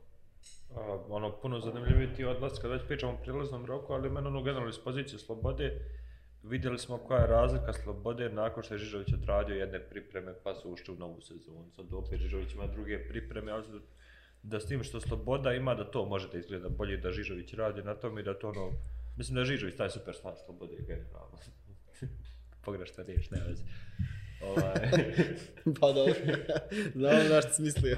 ali i mislim da taj njegov rad tu najveći kvalitet i svaki dan dodatno što je on u slobodi koja u ovakvoj financijskoj situaciji je slobodno najveće pojačanje dok je njegov rad prisutan ono sloboda ne treba da strepi da će vlastiti u situaciju u kakvim je dočekala prošle sezone drugu polusezonu tako da ono mislim možemo sad ovi Pa da podsjetimo, da podsjetimo, klub su napustili Amar Beganović, Tarek Saletović, Miloš Zličić i Eldar Hasanović. Pa dobro, negdje naj, najveće, najveći odlazak iz, iz Slobode je Amar Beganović, ono koji je dugo godina tu, koji je bio kapiten kluba. E, nešto što sam očekivao da će oni, da će doći zamjena na toj poziciji, ali dobro. E, što se Zličića tiče, očekivalo se mislim od njega više, imao njegov je highlight Slobode, onaj gol protiv Velaža u 93. minutu za 1-1 i negdje to je to što je pokazao u dresu Slobode, kažem, malo, s- malo, dosta je onako njihov tanak prelazni rok, četiri odlaska, samo jedan dolazak za sada, tako da ono, mislim da im treba na tu bazu još jedan igrač da nastave s ovim što se radili u prvoj polusezoni, definitivno da neće doći situaciju da se brinu za bilo šta, Sloboda je trenutno u borbi za mjesto koje vodi u Evropu, to je iskreno teško, ali ono, mogu biti više, više nego zadovoljni ovim trenutom. Mislim, taj ono Amarov odlazak je ono highlight slobodnog prilaznog roka. Ali opet neki prirodni put, baš, baš što se tiče slobode i desnih bekova, ono bio Darko Todorović koji je ono dijete kluba, pa je on transferiran u Austriju, sada je slična situacija, dobro, pa Amar ide u Sloveniju, ali jako ozbiljan klub trenutno u, u Sloveniji. Možda sad opet nekom logikom će se pojaviti neko drugo dijete iz omladinskog pogona koji će ne znam, možda su zlaci rađaju ono sa prodornošću i dobro, dobrim centarštom, tako da ne znam, stvarno da će do sad hoće puno da ga će se lako zamijeniti i da će ga se uopšte moći zamijeniti jako je teško. Meni čak s nekom logikom kao možda se Fendić može vratiti, ono kao u slobodu. Mislim, Pa nisam razmišljao, nisam razmišljao, moguće imam sigurno minute i to ono što mu treba u ovom trenutku, tako da moguća opcija, ono opet kažem, vidjet ćemo vjerujem da zna Rižović sigurno šta će na toj poziciji, očigledno.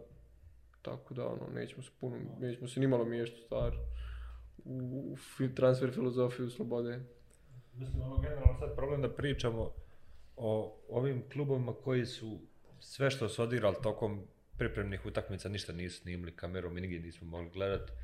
Sad ono, detaljno, detaljnije ulaziti u to, ono, ko će na koji način pomoći, odmaći, stvar dobro nismo imali puno prelazak, ali ono, zbog toga ćemo, uvijek smo kritikovali da o slobodi najmanje pričamo, ali takav je bio prijelazni rok. Pa ono iskreno, evo, da otkrijemo neke planove u narednom periodu. U narednom periodu bi neko iz Slobode trebao da bude gost, pa vidjet ćemo, ne znam. e, Trebao da bude gost u našem podcastu, tako da ćemo, ono, vjerujem, i onda imati više informacija kako sve funkcioniše u klubu i na koji način to Sloboda igra i ako smo mi iznosili te neke načine, da li smo bili u pravu ili nismo, tako da, ono, vidjet ćemo. Eto, to je neko obećanje naše. U futbalu najmanje bitno ko je upravo. To bi bilo to što se tiče zimskog prijelaznog roka Slobode. Tako je. E, prećemo znači na Velež, Futbolski klub Velež. E, prvo o igračima ovaj, koji su došli, tu je znači Nermin Haskić. Pa, Nermin Hasić u ovom trenutku izgleda kao da će dat gol iz svega što mu namjestiš. Koliko je dao već? U dvije utakmice što sam gledao dao pet golova ili četiri. Pa nastavlja sa onim, nastavlja sa onim što je pokazivao u radničkom iz Niša, stvarno nemam pojma. Nakon toga, te neke egzotične zemlje, ono jasni smo motivi tih odlazaka, ovo sigurno po meni možda jedno od najvećih povećanja u Premier Ligu u ovom zimskom prelaznom roku, tako da ne da je ono što je Veležu trebalo, nego bukvalno s Haskićem od početka sezone Velež bi sad bio u prve tri ekipe po meni. Stalno smo to ponavljali koliko Veležu fali igrač koji garantuje 10 golova polusezona, Haskić definitivno. Haskić garantuje 15. Pa, Da, ono, ne bi iznenadilo, da. Husky garantuje 13 golova. Kako vidite ovaj, njegovu potencijalnu saradnju sa Zajmovićem? Ma se da će on izgurat Zajmovića, generalno da, da će Velež više počinjati utakmice s jednim špicama, da će onda zavisno od rezultata Zajmović ulaziti, jer ono opet tu je i Peco, tu je i, i Đani koji može odigrati ofanzivnije i Veležov, vel, navike Veležovih igrača su takve da i ne trebaju dva špica, tako da... Pa ja isto očekujem da primaran, primaran cilj negdje Beleža bude da igra s jednim napadačem i to naravno bude Haskić Zajmovića, ali mislim da da Veležu treba i Zajmović i dalje i da on može odlično biti backup opcija i za Haskića, da može u nekim situacijama kad je to potrebno na terenu da bude i taj drugi špic uz, uz Haskića, tako da mislim da, da mogu dobro sarađivati kod zajedno na terenu, samo ne, mislim, ne vjerujem da će se Dudić opredijeliti da mu to bude prva varijanta. Možda protiv ekipa, vjerovatno gdje se očekuje pobjeda. Ok, ali, ali vid, dosta on na pripremama rade to kad su bojca na terenu da se radi dijagonala na Zajmovića koji spušta Haskiću lopte jer Haskić jako dobro osjeća taj prostor i može se naći dobro u šanci, tako da to ono ne treba otpisati, ali više mislim da će on, da on neće toliko forsirati tu igru na te duge lopte jer im nema toliko potrebe da u Premier Ligi imaju stvarno igrače koji znaju igrati lopte što se kaže u, u veznom redu to pretjerano da sad ok imaju i štapere za brom dugom neke ali Mislim, sve ono tu stvar kalkulacije opet, ono, šta, šta će Feđa zamisliti, šta će Feđa htjeti. Protiv širokog se opet igrali nešto potpuno kontrolno, gdje su samo koristili visok, mislim, nametno im široki to da rade, pa sve pa sve ko da on nameće šta hoće na terenu. Još ih lagano prebacivali tečan preko, ali ono, čudan je taj ono, impakt jednog igrača na ekipu Veleža koja sad izgleda kao da može sve. A u prvom dijelu sezone izgledala kao da ima jedan problem koji je apsolutno nerješiv i onda je došao on s tim problemom ponudio još na izgled pet opcija što će se priprema, tako da ono, djeluje stvarno, mislim možda se ja prevario kad sam rekao ono da je kako, a u stvari nije opet, mi je sam najveće pojačanje, ali Od početka snimanja Stefan je tri najveća povećanja, nabroj očekujem bar još dva do kraja. Da li je to možda i Marko Jovičić? Pa, ne, on, s obzirom da je Kačavinda bio drugi golman Veleža, Marko Jovičić opet školovan golman, golman Partizanove škole. Mislim da je, ako je ljetni prelazni rok bio negdje obilježen igračima koji su došli iz druge HNL, ovaj je obilježen negdje igračima koji su došli s prethodnom karijeri igrali u Super Ligi Srbije. iz Malte, seljak. Dobro, Ne, ovaj, Zirata. Velež nije imao golmana koji, Velež nije imao golmana koji može da igra nogom, to ih koštalo kad je Kočavina bio na golu par puta, imali su sreće da ih ne košta kad je Bogdanović bio, tako da on je to, što, on donosi to Veležu i sigurno dobra konkurencija Bogdanovića. Velež su golman oduzeli baš, baš puno bodova, on se moralo zbiljiti na toj poziciji, a sad ono kad se stvori takva atmosfera između dva golmana da Bogdanović svaki put kad ne brani, misli da ne brani samo zato što je Kačavijen da u 21, da svaki put Kačavijen da kad ne brani misli da ga trener mrzi iznad duše i da ga ne stavlja kao bonus igrača, je ono čudna situacija koju treba izbjeći uopšte zbog atmosfere na tom treningu i zbog odnosa njih dvojice. Tako da to se moralo riješiti, ovo je najbezbolnije bilo riješiti da Kačaven da ode iz klupe, da se dovede drugi golman, sad opet ono, golman koji dolazi s Malte, ne znam, svašta se dešava na Malti. Šta je to? Šta se desi na Malti, vjerojatno i ostane na Malti. Pa da. I šta je sport? Nar... Prešao na naredno povećanje. da se malo smanje tenzije ovdje. Prešao bi na naredno povećanje. Izvjesni Stefan Berov. Ja nemam Za pojma- mene, ja za nemam mene pojma lično koja je nepoznanica. Lično nepoznanica. Ne znam, ovaj, znamo Odakle? nešto više. Nigerija. Stefan Berov. 2003. ili 4. godište. Dobar dribler. To je sve. Ostalo, ostalo smo, Prošto na Twitteru malo. A sam na Twitteru. Ostalo, ostalo smo primorani da vidimo od njega. I koliko će uopšte Vidiš, minutaž da neće prodriblat nikog ni na trening. Ako je na Twitteru dobar dribler. Štiće U Nigeriji dobar dribler, a u Nigeriji, na Malti se ne igra futbal, u Nigeriji se igra. Joj, bože, dragi. Pričaš ti, dečko. Dobro, ajde, možda ne bi loše da se klonemo te malo Malte. Previše smo nekako zaokupljeni Maltom bili. Ovaj. Što tiče odlazaka, već pomenuti Obren Cvijanović, Luka Kačavenda također, Faris Zubanović, Dario i na kraju Melvin Osmić. O, E, imam tu, ja sam zapisao što sad nismo to ni komentarisati sramotom, zaboravio sam prezime. Ma sve smo prošli. manje prošli više. smo manje više vezano za Velež.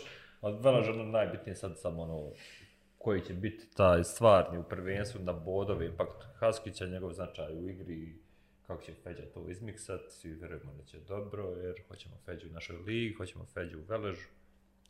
Nakon evropske bajke da se ponovi sad neka renesansa Veleža. Da. Da. Moraš reći da.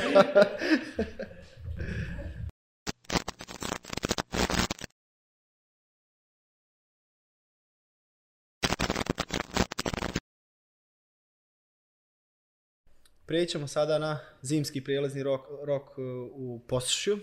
Posušje. E, prvo ćemo... Da implementiraju poslušaj. Poslušaj. Da, i to, to, to su neke je- mini implementacije. Što se tiče dolazaka, e, Leo Janković. Pa nakon odlične sezone, Tomislav u polusezone, logičan slijed je njegova stepenca u karijeri iznad, to je Premier Liga. Uh, najbolji klub koji on može otići u ovom trenutku Premier Lige posluše jer će, jer će otići, jer će igrati upravo jer će imati ozbiljnu ulogu tu i dobar potez posluše što su ga doveli jer je ono mladi, mladi igrač koji definitivno ima prostora za dalji napredak koji će sigurno napredovati, koji će igrati ozbiljnu ulogu u Premier Ligi i logično je sve bilo da on iz Tomislava prijeđe u posušje, tako da ono bilo bi baš loše da, da nisu iskoristili to i da ga nisu doveli. Ono, djeluje kao ozbiljan potencijal sad, ono. I tu je domaći. Znaš, i... Sad jedan od, vjerovatno i iz ovaj najzvučnijih, ovaj, e, Dinko Horkaš, E, golman e, koji je došao iz Dinamo Zagreba, sigurno jedno od najkvalitetnijih dolazaka ovaj, u ovom zimskom prijelaznom roku. Pa to baš spada na, na nu listu, ono, otkud ti ovdje. Ono, ono, praktično, jer ja sam imao neki, ne, neko me sad to nije, mislim, ono, glupo, stvar nije glupo, što ono, nije toliko privatni detalj, ne niče ime i prezime spominjet, već ima neka agencija s drugog kontinenta, praktično gdje ono rade ljudi odavde, pa me neko kontaktirao da mu kažem šta, ono, moje zapažanje, taj neko misli da ono prati mi i HNL, to je od Harkaš koji mi on već prije čuo puno dobrih stvari, i stvarno to jesu jako dobre stvari, ono šta Harkaš može na golu, šta je pokazio mlađim selekcijama i Dinama i na golu Varaždina. ima tu jednu manu branjenja šuta s velike udaljenosti, gdje poslije nasmije Ravdukića, malo. mislim, to, to je ono, jer ima sve druge ove, ove neke kvalitete, uz jako dobru igru nogom, jako dobro brani penale, ali ono, to me kao jedina mana, ali opet karakteristika BH lige, odnosno Premier lige, da ne postoji toliko konstantnih i ono, puno udaraca sa velikom udaljenosti, tako da mislim da će, ali opet i na ovaj nivo udarac mislim da će lako priviknuti ono iznenađenje takav golman dođe u Premier Ligu, pogotovo u posuđe koje se nalazi u donjem dijelu tabele, ali njemu trebaju minute koje su prvoligaške, Varaždin više nije u prvoj ligi, iste neke perspektive je logično, ali ono da je golman za velike stvari, jeste stvarno golman za velike stvari i mislim da ćemo živa gledajući kada gol posuši. Prije podcasta je rekao da je to najveće povećanje u ovom zimskom prelazu roku za Premier Ligu 400. Malo prije rekao da ne smijem više govoriti, najveće povećanje. Pa ja sam zato ga bio i najavio, ali sigurno da se radi o golmanu koji ima strašne Golman je sigurno. Strašne reflekse. Ovaj, tako da evo vidit ćemo. Da nam pokaže šta zna Tako. već pomenuti Horkaš. Sad da, da se ovaj vratimo na ovaj pojačanja. E, Frane Maglica, desni bek. Toliko Horkaš. Ovo može biti malo drugačije interpretirano, ali stvarno nisam ništa mislio. to je malo igrača u polju. Ovaj. Frane Maglica, desni bek, štoper. Pa desni iz- više. Mislim, on nije više nego sigurno desni back, eh, pa poslije povrede Barišića Posušu je baš trebao desni back i ono, Maglica je također igrač koji ima iskustvo HNL-a koji je nakon toga igrao sezonu u drugoj HNL ligi gdje je bio pje, kako, mi, kako je nama rečeno jedan od najboljih bekova druge HNL lige što je sigurno pa ne da je odlična preporuka za Premier ligu nego je da, da, ono, ko sigura neka stvar, a, taj neki kvalitet koji donosi u igri Posuć će sigurno biti veliki jer se radi o ofanzivnom beku, tako da će sad Posuć sa, i sa lijeve i sa desne strane imati stvarno ofanzivne bekove, što će sigurno biti, što je neki kvalitet koji su on koristili najviše u prvoj polusezoni preko lijeve strane, sad će to isto moći da rade preko desne strane, jedan podatak koji smo također saznali iz Posušja, evo, u pripremnoj utakmici protiv Podgorice, e, šest puta je bio u 16 tercu protivnika, što je stvarno velik broj ponavljanja i velik broj ulazaka u 16 terac za desnog beka i to je ono otprilike parametar koji, koji nam pokazuje šta će on tu uraditi. I bez je jedan od tih puta bio prekid ili da je on centrirao ili šutirao, već je praktično sam se pojavio trkom. Da, da, da, gdje je praktično akcija išla pr- sa druge strane kroz sredinu, ali da je on bio tu i da je bio kao opcija svojim saigračima u 16 tercu, što ono, rijetkosti u Premier Ligi, ja tu veselim se da ga vidim u stvari kako će to izgledati u prvenstvenim utakmicama. Da. Dobro, imamo još e, Anesa Mašića, napadača koji je prešao jel, iz Zrinskog u Posušje. Pa dobro, to su te minute koje on ne, ne može u ovom trenutku imati u Zrinskom pored Bilbije i pored, e, da, pored Irfana, tako da i pozajmica njegova bilo gdje u Premier Ligi je bila logična, bilo bi baš loše iza njega i bilo bi šteta da je u rangu niže skuplja te minute. Pusiću je nedostaje napadač, pokušali su e, pred kraj prijelaznog roka prošle sezone da tu poziciju dopune sa Darijom Blagovićem, to se nije ispostavilo kao neko najbolje rješenje, pokazalo se, ali mislim da će biti druga priča sa njim i da ono što nije mogao, što nije imao priliku da pokaže prostora u Zrinskom, da će imati sad posušu i da će mu to biti negdje put da svoju karijeru gradi nekim, u nekom uzlazom putanjom. Ja ću biti malo grublji prema Nesu, iako ga ono gotivim kao igrača. Mislim, nalazi se u teškom periodu karijere gdje je u posljednjih pola godine promašio svašta. I, ono, je- i ne, nije dao gol već dugo i za mladu reprezentaciju, dobro dao je protiv Švedske za mladu reprezentaciju, ali za mladu reprezentaciju protiv Italije promašio svašta i protiv, pogotovo za Zrinski protiv Širokog. I sad se nalazi na toj nekoj potencijalno svoje glave raskrst gdje mora početi davati golove negdje da bi digao sebe i svoje samopouzdanje i opet vjerovao možda da može raditi neke veće stvari, a Posuš je od svih ekipa u kojima je mogao računati na minutažu najbolja zato jer stvara daleko najveći broj prilika. I mislim da ono savršen meč iz te perspektive da je klub dobio ono što mu treba, igrač je dobio ono što mu treba, e sad samo se trebaju poklopiti kockice da tu se baš profitiraju. s obzirom na njegove godine, na njegove kvalitete, mislim da je mu je najbitnije do sada i bila to što je ulazio u veliki broj prilika tokom tih šest mjeseci, ali slažem se da je jako bitno za njega da napokon te prilike koje je ulazio da počne da realizuje čisto zbog, zbog te neke njegove prepreke da, da savlada u glavi, pošto u, trenutno se nalazi stvarno u tom dijelu karijere gdje je potrebno da te prilike počne da realizuje kako bi mogao dalje da napreduje. Tako da, posuš je najbolja moguća opcija za njega, dobra stvar za posuš je win-win situacija. To je bilo to što se tiče dolazaka u posušju. Ovaj, vrijedi napomenuti e, ekipove, znači e, iz igračkog dijela napustio e, Slavko Brekalo, štoper koji se posvetio poziciji sportskog direktora. E, zatim e, Mateo Verunica, napadač, on je prešao u Sloveniju da igra za Fužinar. Dario Blagojević, napadač također koji je prešao da igra u Igman e, iz Konjica. Vidimo da je dosta tih nekih ofanzivnih igrača napustilo ovaj posuše. Da li bi to mogao biti potencijalni problem i da li ovaj posuše ima e, igrača u napadu koji mogu ovaj da nadomjeste to uz pomenutog Mašića? Pa evo sad uz Mašića otprilike ne znam ti odlasci nešto da, da posuše pretjerano gubi jer igrači koji su otišli nisu pretjerano e, davali posušu na nekom kvalitetu, mene više e, više mi nekako iznenađujući odlazak e, Filipa Nenadića u Kamen Ivangrad, gdje, jel, Kamen Ingrad, da, treći u HNL, mislim, žao mi je jer nije imao priliku u Premier Ligi da pokaže kvalitete, pošto je bio povrijeđen, tek se pred krajem oporavio, mislim da ga se posuši prelako odreklo, jer nije u pitanju ni pozajmica, ni bilo šta, nego izlazni transfer. I negdje mislim da su tu možda propustili jednog mladog igrača koji je mogao puno više, a prosto nije mogao zbog povrede da pokaže to u prošloj sezoni. Pa po mene najbolja stvar koju je počeo radila u ovom prilaznom roku je zadržala igrače koje je dovodila u toku sezone.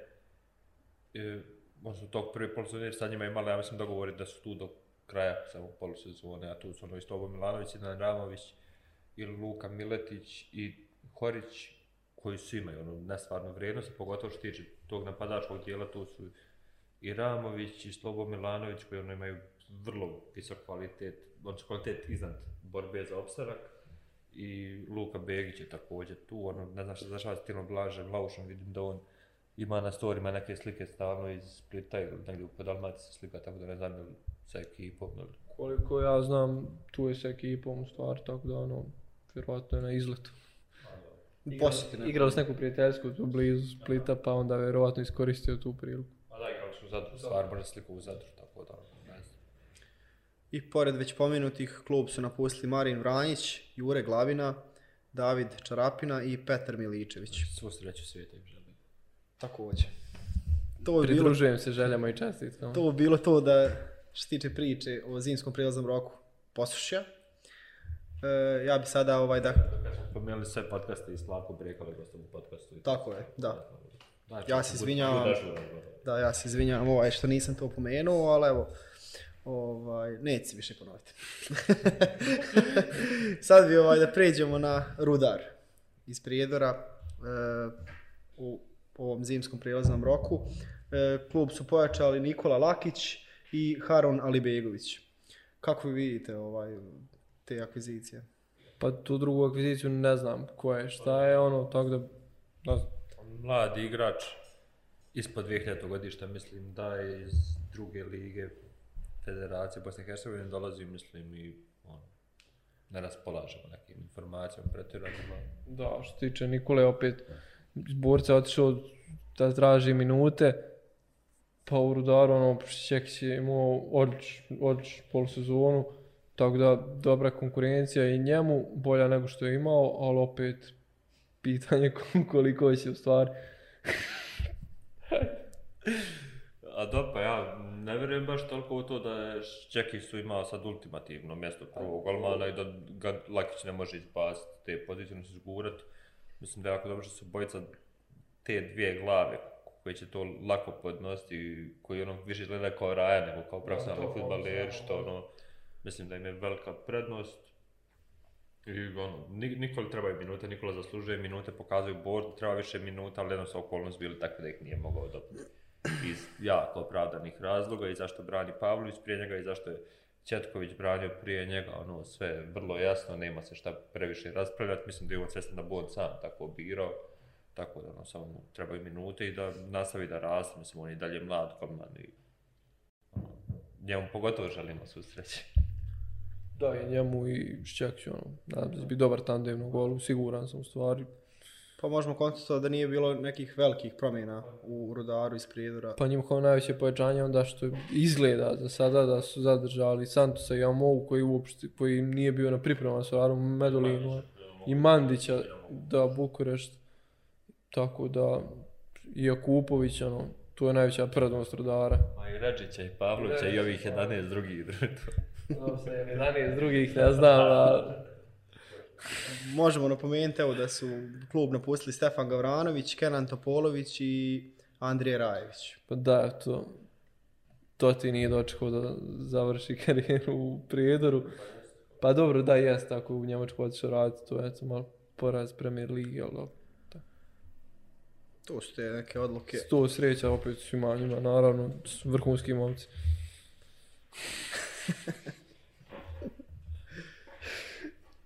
Ja predlažem da pređemo ovaj, na Leotar. Stefan Santrač kao dolazak. Može Marko, možda nešto da kaže Pa, više. o- Bio je mladi reprezentativac Bosne i Hercegovine, igrač koji je dio svoje omladinske karijere proveo u Crvenoj zvijezdi. E, pa možemo govoriti, Leotar sa njim dobija na agresivnosti na sredini terena, što je opet otprilike nešto što im je potrebno, jer sigurno da neće biti ekipa koja će kontrolisati 90 minuta utakmicu protiv koga god da bude igrala u Premier League, tako da im je potrebno neko ko će razbijati protivničku igru, ko će uh, praviti dosta prekršaja sredin sredini terena, ko će oduzmati lopte. Ono što je definitivno njegova mana jeste kad je lopta u njegovim nogama. Uh, ni, siguran sam da nije kreativan igrač koliko bi možda trebalo da bude da igra na nekom višem nivou nego što je Leutar u ovom trenutku i dalje jako mlad igrač. E, kažem, do, donijeće tu agresivnost potrebnu na sredini terena, e, kreaciju, građenje napada, pa čak i iznošenje lopte kad treba u sredini terena, mi da će imati dosta problema. Najveća, kar- najveća njegova prednost jeste igra, defanzivna igra, a Leutar će opet veći dio utakmice da se brani, tako da tu je i logično to njegovo pojavljivanje na terenu, ali sve pored toga nije neki kvalitet koji će dati Leutaru odskočnu dasku.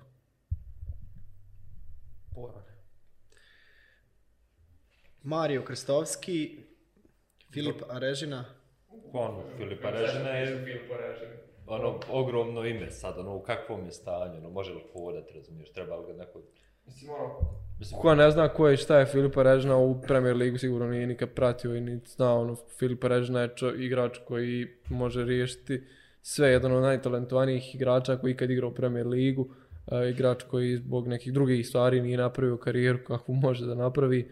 Mislim, to je Leotar će, evo, samo od jedne stvari da se krene svaki prekid u 30 metara će biti skoro pa gol što se tiče Leutara tu dobije veliku prednost, a pored tog sve ostalo sa koliko će uspjeti iskontrolisati neke njegove probleme zbog kojih nije ostavio neki dublji trag u prethodnim klubovima, to je opet na Leutaru i na njemu samom, ali o njegovim igračkim kvalitetama ne treba diskutovati uopšte. A što se tiče Kristovskog, opet sigurno slučajno nije došao ni u Zrinski, isto nije imao prostora u Zrinskom, mislim da je on isto na pozajmici, tako da i od njega motiv da se dokaže i nametne i vrati u Zrinski. Ma da, zareš, sam baš htio reći ono da je veće šanse da im top da da dva gola 40 metara nego da mu prosjek trčanja na utakmici bude 4 km ili više. Pa dobro, četiri. Četiri će prošetiti. Jel ti mogu 4? Pa ne, za 360 minuta možda. Odigrali smo sinoć terbi, neki nisi baš bio na 4 drugi. Pa ne mogu ustati sad sa stolice, sve me leđe me bole. Hvala Bogu što se futbalira na golove, ne na pretečane kilometre. riješio termin Mislim da je bilo jasno. Sa Tri tri, sa tri pogodka, je s tri pogodka, zdravo, Dobro, doviđenja. rekao Versavsko, lapa pa Englezićima. Nisam nešto previše pretečao, ali eto. ovaj, da nastavimo dalje, Anđelo Guzijan. Samo, Kimi, kako si prešao na terminu, ja radi? Evo, kaže, snimatelj je dobro prošao, ali nije baš. Pa ne znam šta je njemu dobro. Mogu pričat. Mogu, mogu hodat. Dobro. Anđelo Guzijan. Pa... Vezni igrač dolaze iz Ljubića, no koliko je meni poznato. Mislim, poznat mi ono tu izgrada je. Ono, Naš čovjek izviđenja. pa nije ono i trenirali smo neko vrijeme zajedno, ono, znamo se, mislim da ono, okej, novi igrač, ne možemo pričati o nekom spektakularnom pojačanju, nekom ko će promijeniti sezonu za Leotar, ono, ali da je... Mislim da čak Ljubić igra štoper. Mislim da igra štoper u Ljubiću.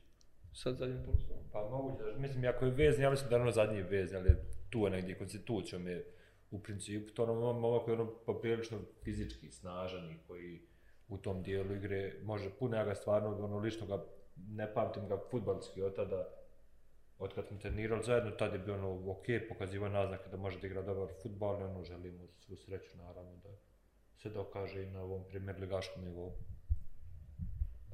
Tu Ostala su još dva imena na ovom spisku dolazaka u Trebinje. Marko Čubrilo i Rašid Čičba. Pa Marko Čubrilo je po meni jedan od najvećih prospekata što tiče trenutno sad dolazaka u Premier ligu i pozicije lijevog beka.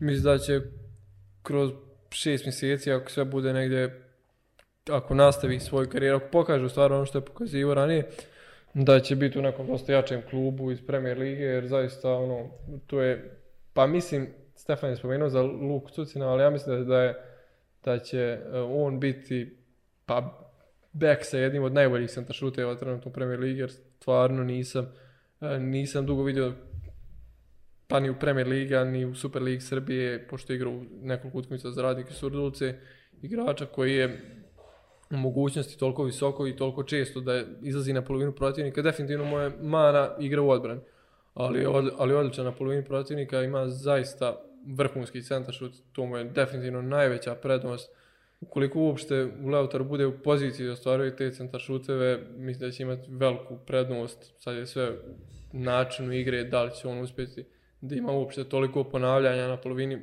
protivnika, ali eto opet kaže, ima vrhunski centar šut, ima odličnu lijevu nogu, odličan prekid, tako da to je ono najviše što dobija Leutar sa njim. A što si ti jesi rekao i drugo ovo ime, Ja sam Rašid Čičba. nemam pojma koje i ne znam kako je došao tu.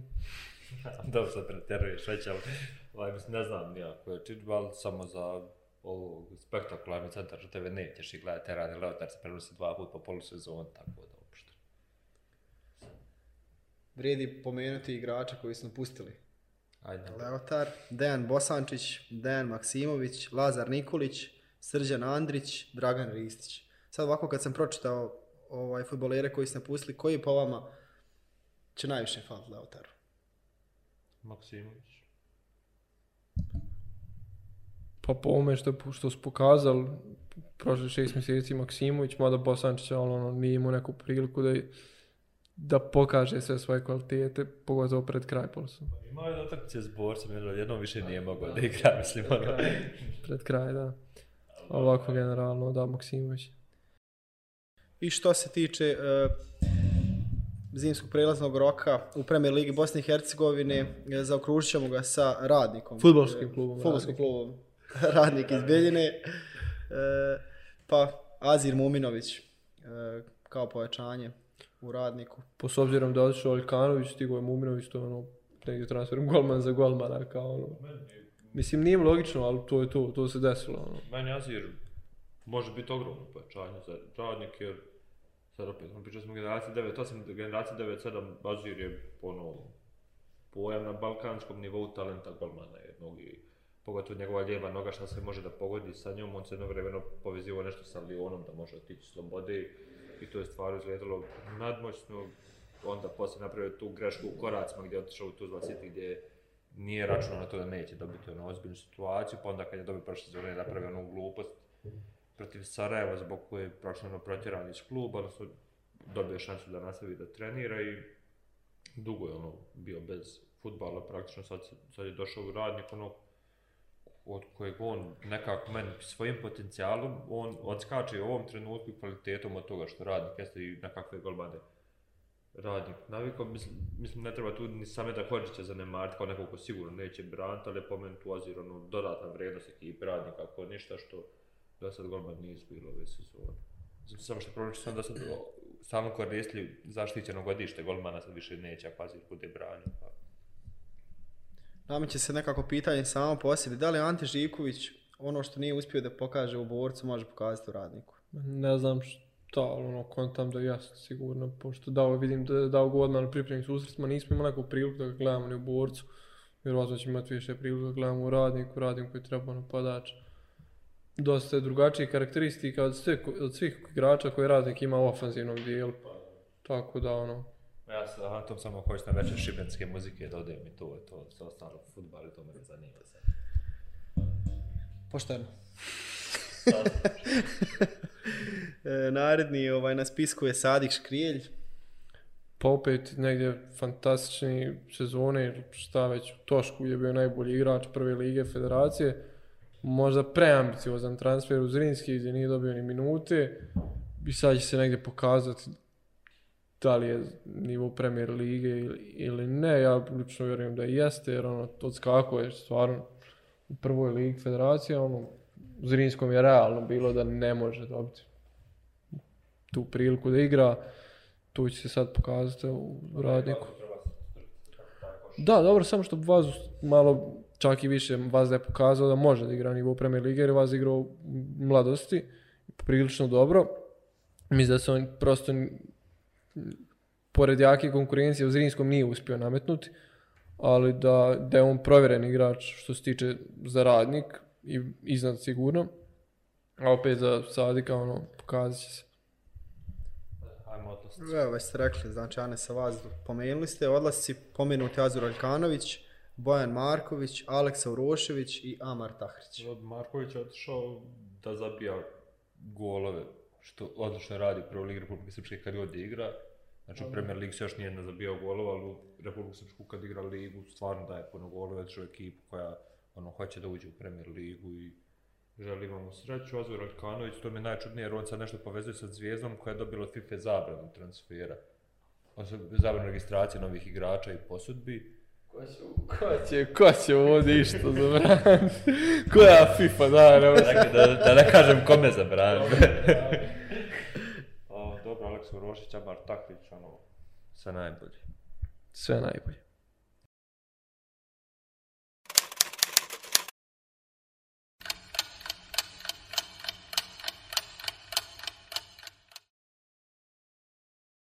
Dragi gledalci, e, došli smo do dijela e, podcasta, do e, jednog noviteta, do kviza, ovaj, u kojem ću ja biti voditelj kviza, kao što sam dosta bio i voditelj ovog podcasta.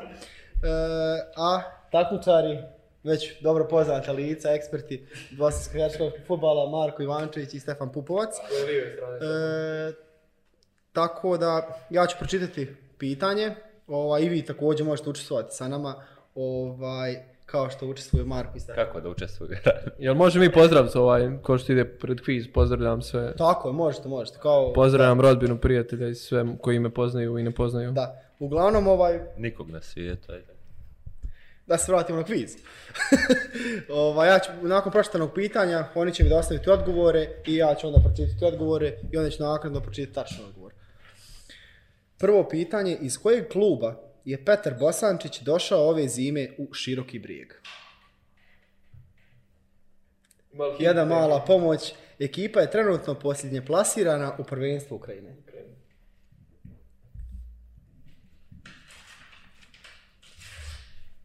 Ja nisam siguran kako se, kako se piše.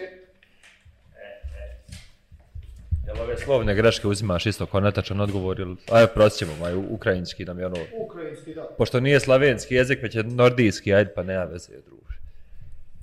Ja sam ugodno iznenađen, pošto nisam znao odgovor na ovo pitanje dok sam sastavljao, ali obojice su napisala Mauripolj, što je tačan odgovor, a da, bravo bojci, e, a da ovaj, kažemo da je to grad na obali Crnog mora i da je to klub koji se takmiči u prvoj ligi Ukrajine i trenutno se nalazi na posljednjem mjestu.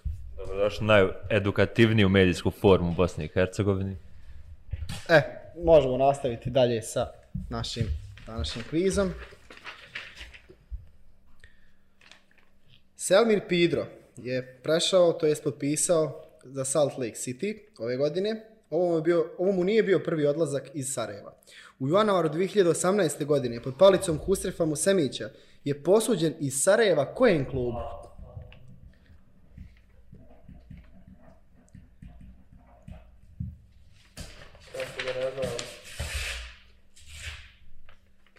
Pozdrav za hardcore navijače ovog kluba sa Opsajda, Opet to govorili tačno. Ja sam mislio stvarno da sam napravio težak kviz. Bosna visoko je tačan odgovor, a kao što vidite, Ne vidim. svaka čast. Kako da ne znam svaki korak pidre. Bosna visoko je tačan odgovor. Treće pitanje. Igrao je redom za Apoel, Real Sociedad, Birmingham, Middlesbrough, Majorku, Apollon Limassol, a sada je jako blizu potpisa za Tuzla City i bio bi potencijalno izuzetno zvučno pojačanje. O kojem je igrač riječ? Nema virenja. Pričali smo o njemu. Trebalo bi ime znati. To,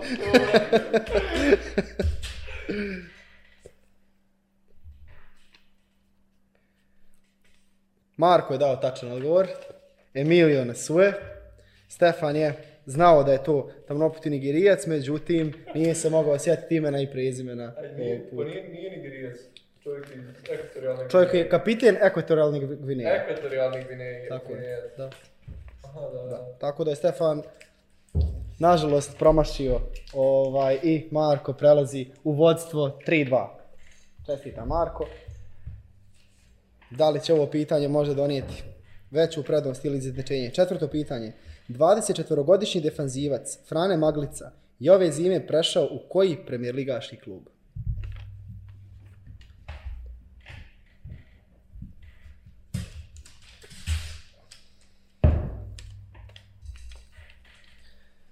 Tačan odgovor je posuši.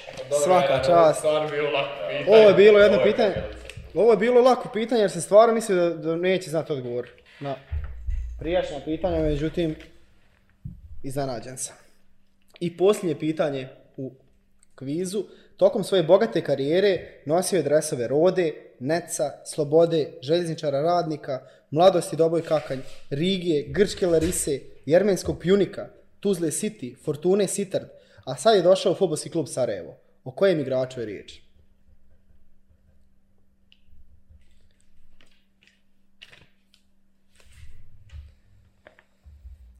Rezultat trenutno 4-3 za Marka. Ček, ček, ček. Ja sada četiri, ja sam dao odgovor svoj. Ti si dao svoj odgovor. Stefan je zvanično na 4. Uh, Još 10 sekundi. 3, 2, 1. Tačan odgovor je Šećerović. Izvjesni Adnan Šećerović, međutim Marko je napisao Suljić i konačan rezultat ovog našeg novog inovativnog kviza je 4-4. 4-4. Sad, da li je u redu da ostane ovako ili ćemo ići flipa coin, pa bacamo novčić. Ko će Ako pobijediti? nemaš dodatno pitanje, ja sam samo zadovoljan da Marko nije izgubio i to je to. pa meni je bitno da Stefan ovdje da imao četiri tačna odgovora i to je najbitnija stvar. Kao što ste vidjeli naši dragi Nastavit ćemo onda kviz u narednim podcastima. Kviz će se svakako nastaviti, a kocka je bač.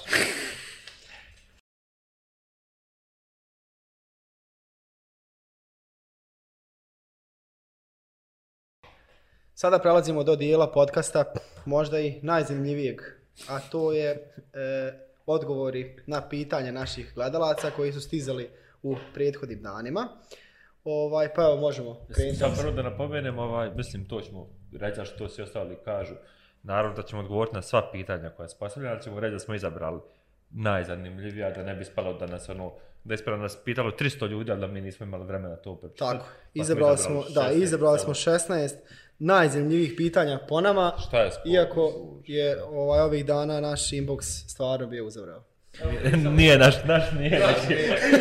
prije, prije pitanja samo da Eh, vam kažem ko nije da se da uđe u grupu Meridian podcast na Facebook, ostavit ćemo link. Eh, također ako znate nekog prijatelja koji gleda, koji volio da gleda da bude uvijek tu, ubacite ga slobodnu grupu, grupa je javna, grupa je otvorena, tako da što nas je više, to je bolje. I neće biti samo namijenjeno ovom da budu pitanje odgovor da mi nešto ono kao podcast dobili, mislim već ono, sve ćemo razgovarati o Premier Ligi, razmjenjivati mišljenja, tu smo 24 manje više dostupni, tako da ono, I naravno trudimo se da bude to sve interaktivno i zanimljivo. da. Prije svega. Evo pa da krenemo. E, Ali je lijevo, pitanje, može li Veleš do Evrope kroz ligu ili moramo osvojiti kup? Pa evo, ko će prvi krenuti?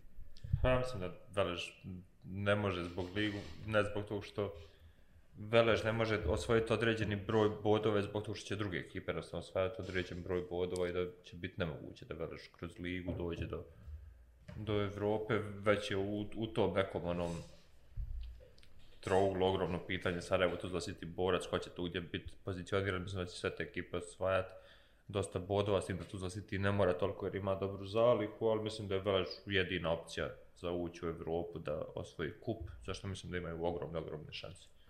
Pa jako teško kroz ligu do Evrope, ali opet ono, vjerovatno postoje te neke šanse jer velika je borba za Evropu, tu nekoliko klubova, 3-4 kluba, gdje će opet ono, međusobno mislim biti dosta gubitka bodova i da bi Velež mogao iz nekog drugog plana da iskoristi, ali to zaista mora biti onda perfektna polusezona Veleža, što su opet male šanse, puno realnije je da to Velež učini kroz kup, ali ono, Stvar u tome da Velež kroz ligu osvojio ovaj ušao u Evropu da mora pobijediti sve te direktne konkurente svaki put kad sa njima sastane, što onako nikom u ligi ne izgleda kao da sigurno hoće.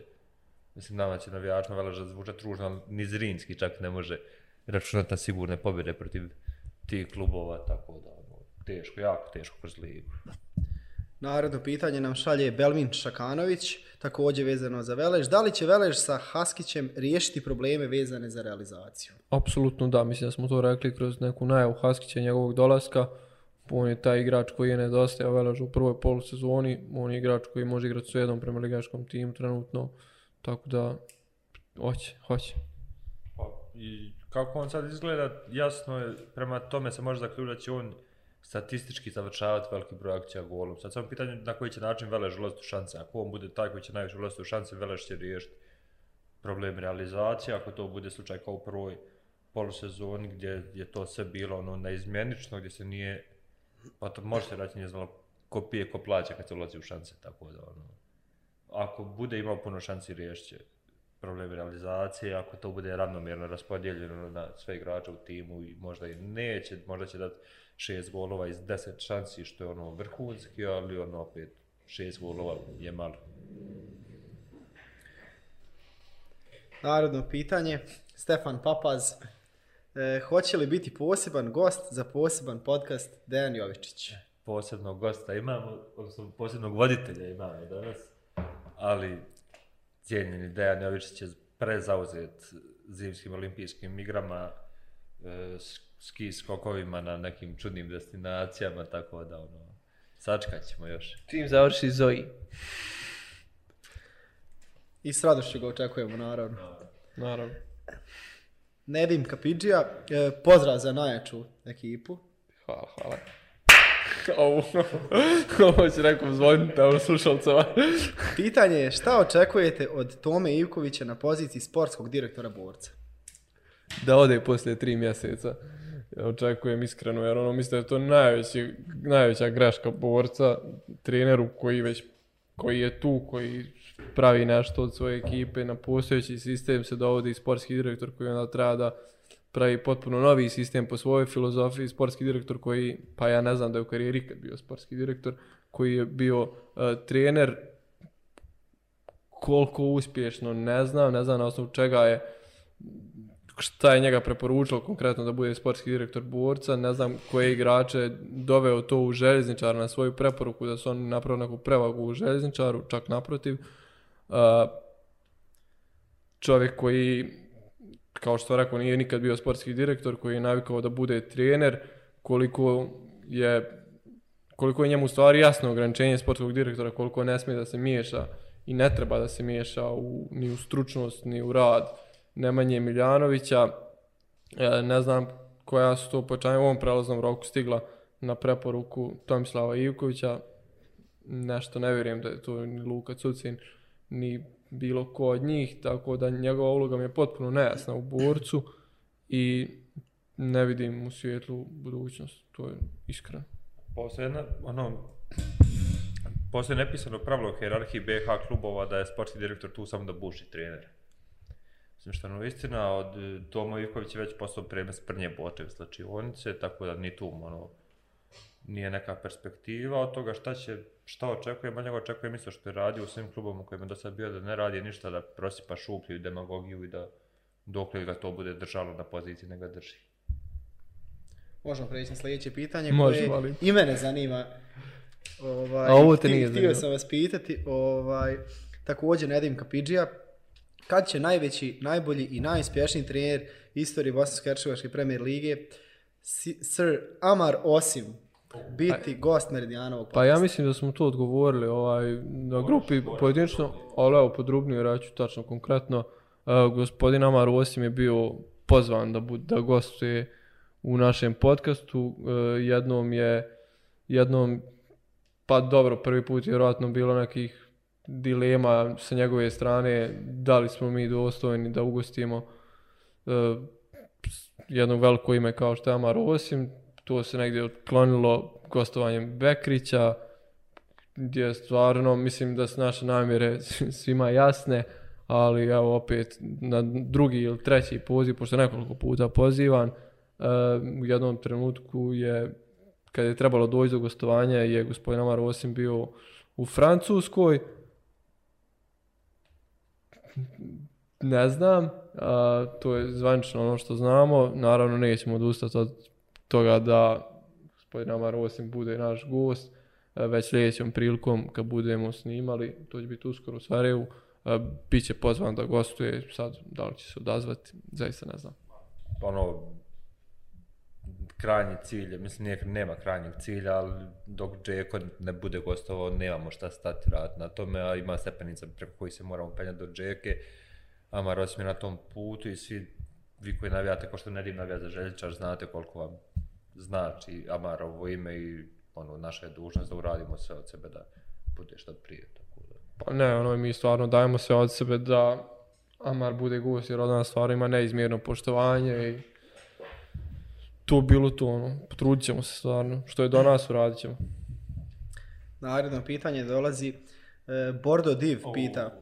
Bordo Div pita, ovčina u Sarajevu, ima li šanse da dođe? Pa ja, ja sam to kod tebe vidio na profilu, ne znam, osim toga ništa. Mislim, ono, imam i logike, ali al ne vjerujem da bi se Velež odrekao ovčine. S obzirom da je sa njim ušao iz prve lige federacije u Premier ligu, pa negdje u, njegov naredni transfer mi- po svojoj logici mi nekako inostranstvo. Ali eto, vidjet ćemo, ne znam. Pa ja sam prvi put vidio kod njega na profilu, ali sam čuo iz nekih dru- s drugih strana da je to realno, ali danas sam baš bio na Veležovom Facebooku, pa sam vidio neku njegovu sliku gdje je poprilično nasmijan, zagrljen sa svima, tako da, ne znam. Bilo bi zanimljivo s tog aspekta ono da Sarajevo Velež uzima možda i najbolji igrač u ovom trenutku, tako da, da se takvi transferi što više dešavaju u Premier Liga, da nije da klub s vrha uzima klubu sad naj, ako možda tako sad stoji na tabeli, već više zbog toga dva velika kluba da ono, rade takve prelaske. Možemo preći na naredno pitanje. Može. Naredno pitanje je poprilično konstruktivno i vjerovatno nam treba pola sata možda da odgovorimo na njega, ali ovaj, ja ću se moliti svoje kolege da možda malo i obliče. dakle, e, Irfan Tabaković je poslao Da li se slažete da je sve manja praksa da klubovi kod nas na zimu tjeraju po 10 do 12 igrača i dovode nove, faktički prave novi tim? Primjetno je da dosta klubova sve više trudi se zadržati kostur ekipe, igrači potpisuju, i produžuju nove ugovore, neki i višegodišnje. Ne ulazeći šta je razlog tome, da li siromašno tržište ili promjena strategije i vizije kod klubova, Pitanje je da li to i koliko utiče na kvalitet lige, s obzirom da ako ništa trenerima i njihovim timovima omogućuje da zadrže određene mehanizme u igri i da nisu primorani svake pripreme faktički počinjati od nule. Pa, mislim da podiže definitivno kvalitet lige. E, sad čime je to izazvano, pa vjerovatno sa dosta stvari. Jedna od tih je činjenica da zimski prelazni rok uvijek siromašniji po pitanju igrača za dovođenje. Činjenica je da naši klubovi nisu u mogućnosti da izdvoje obeštećenje, većina klubova nije uopšte mogućnosti za ikakvo obeštećenje za dolazak igrača, ovi koji oni koji jesu, to su neke zaista male cifre. E, s druge strane, mislim da je ranijih godina finansijska nestabilnost u klubovima Premier Lige bila puno veća, s te strane da su plate pa u većini klubova kasnije, vjerojatno se dešava to i sada, ali u nekom manjem obimu, da je tada bilo puno veća neizvjesnost i da su igrači lakše mogli napuštati te svoje klubove tim prekidima saradnje s obzirom kad na veliki broj dugovanja ovaj put, evo, samo željničar je bio s tim problemom da je veliki broj igrača otišao besplatno upravo zbog tih dugovanja gdje su igrači praktično mogli da odu gdje god hoće. E, klubovima trenutno nije u interesu da se tako lako rješavaju, e, nemaju neke prave ponude za igrače da ih puste za neka obeštećenja da oni zarade, a mogu ih vrlo lako zadržati na način da ne odu besplatno i sigurno da je onda svima želja da ostanu sa istom ekipom i do ljeta, pa onda ako na ljeto mogu ostvariti neki izlazni transfer, tako da to je za mene negdje finansijski okvir i financijska konstrukcija glavni razlog zašto sve manje trans, zašto ekipe čuvaju taj neki kostur iz prve polusezone. Pa po meni tu sad problem počiva na ljudima koji vode klubove, jer ako ne postoji strategija upravljačkoj strukturi, ne može postojati ni u sportskoj. E, prva stabilnost bi morala doći kroz trenere ili ako ne kao jednu ličnost koja će biti figura koja će voditi tim e, duži niz godina da to bar se zna da su trener koji proizilaze iz omladinske škole i iz istog sistema rada. Mm, premalo je para što Marko kaže tu da bi se mogla osigurati neka stabilnost igračkog kadra, ali da bi se mogla sti, ovaj, osigurati stabilnost stila igre i ne trebati puno para, sad samo je problem koliko su koji vode klubove uopšte se i zanimaju za sport kao sport, za dešavanje na terenu ili su iz nekih drugih pobuda, ne izgleda mi uopšte u perspektivi. Mislim, mislim da je ovo slučaj svakog zimskog prelaznog roka da je ovako manji broj izmjena u igračkom kadru i da ova sad trenutna situacija uopšte ne garantuje da ćemo na ljeto gledati isto i da će igrači ostajati u, u svojim klubovima. Igračima iz Premier Lige jednostavno je ponuda od 4000 eura mjesečno primamljiva da odu negdje van igrat, a kad pričamo o tome, ono, to je sve u globalu cirkus jedan veliki i ono, strategija ne postoji, stabilnost se ne nazire i ono, mislim svaka čast na, na pitanje, ovo je pitanje o kojima pričamo puno i preporučujem da pogledaš ako nisi sa Darkom Milunovićem podcast o ekonomiji sporta, ovaj tu ima, on, on je profesor ekonomije koji je dosta objašnjavao te stvari, zbog čega tako funkcioniše, kako funkcioniše, pa ono, puno odgovora možeš tu naći.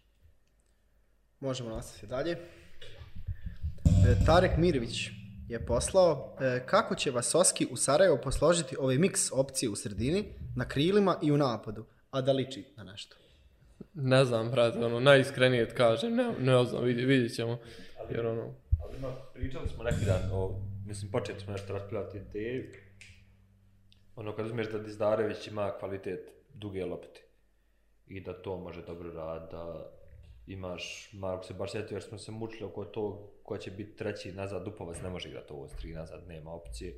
Mujakić je vrlo vjerovatno lijevi, centralni Lazić može i može i dobro čak na centralnom, desni može da bude Palić, Pidro i Šabanović su ta dva bočna, Šećerović je taj prenositelj lopte, ali onda ulazimo gore u frku. O, ova se, da, što smo, što smo govorili, ogroman broj igrača gore i je meni ono ključno da li će Fanim ostati ili neće, Hamza sigurno počinje sve utakmice. Meni je Bodul pod znakom pitanja, iskreno. o Bodul, Kapić koji se oporavlja, Puno je tu stvarno puno, Kobiljar, e, baš puno, baš, baš, baš puno, Fanimo hoće li neće, Suljić, e, baš, baš, ne znam, ono, treba to sve iskontrolisati, ali bolje, ne, bolje da ima puno nego da fali, vidit ćemo. Mislim, bolje da ima dosta igrača, ali nekad ne mora nužno značiti da dosta kvalitetnih igrača donosi dobre, ono, zbog te atmosfere slučivonce i svi su oni u nekim i, i godinama gdje mogu pružiti jako dosta i svakog će njih to lično pogađati. Sarajevo može pomenuti u taj problem nemira u slučivonci sad u, u ovoj drugoj polusezoni, jer mislim, majte oduzmi bo- bodu u četvrtog se da ne igra. Ono, vjerojatno će ući glavom na badat sve redu u slučivonci. Pa ne znam, šta ti kontaš, ono, ajde, ajde, ajde. Znam da, da bodu ne igra četvrtog se za redu. Ali da je Pa- zdrav, onako. To, je- to je po meni nemoguće, ja da sam trener ne bi to dopustio. to je čovjek koji stalno Kapitenska mora i daute izvodi. stalno mora biti na terenu. Da nastavimo dalje. Novo pitanje također od Tarika Mirvića. E, Slažete li se da su Zrinski, Tuzla, Sarajevo i Borac pod navodnicima sigurni u Europi? Ako ne, ko je najizbiljniji da im ugrozi mjesto ili ko je od njih najmanje siguran? Pa i što se tiče lige za prve četiri, prva četiri mjesta, pa nije siguran niko, ono, bar ja mislim, tako bi trebalo da bude i nadam se da je tako. Ali, samo se nadam. Ali ovaj, što se tiče lige, negdje mi najrealnije da prve četiri pozicije budu tako. I kad kažem, opet nije sigurno, široki je tu jako blizu. Uh, sad, za Europu je pitanje, jer ono, pobjednik kupa, onda idu tri ekipe iz lige, a Velež vrlo lako može doći do, do kupa, tako da ono, to je negdje odgovor u suštini. Mislim, ono, Zrinski je siguran, Borac je siguran, Sarajevo isto vidim u prve četiri, Tuzla tim najviše visi tu. Ono, ako, ako neko od, od ta četiri navedena neće biti prva četiri, to mi je Tuzla City.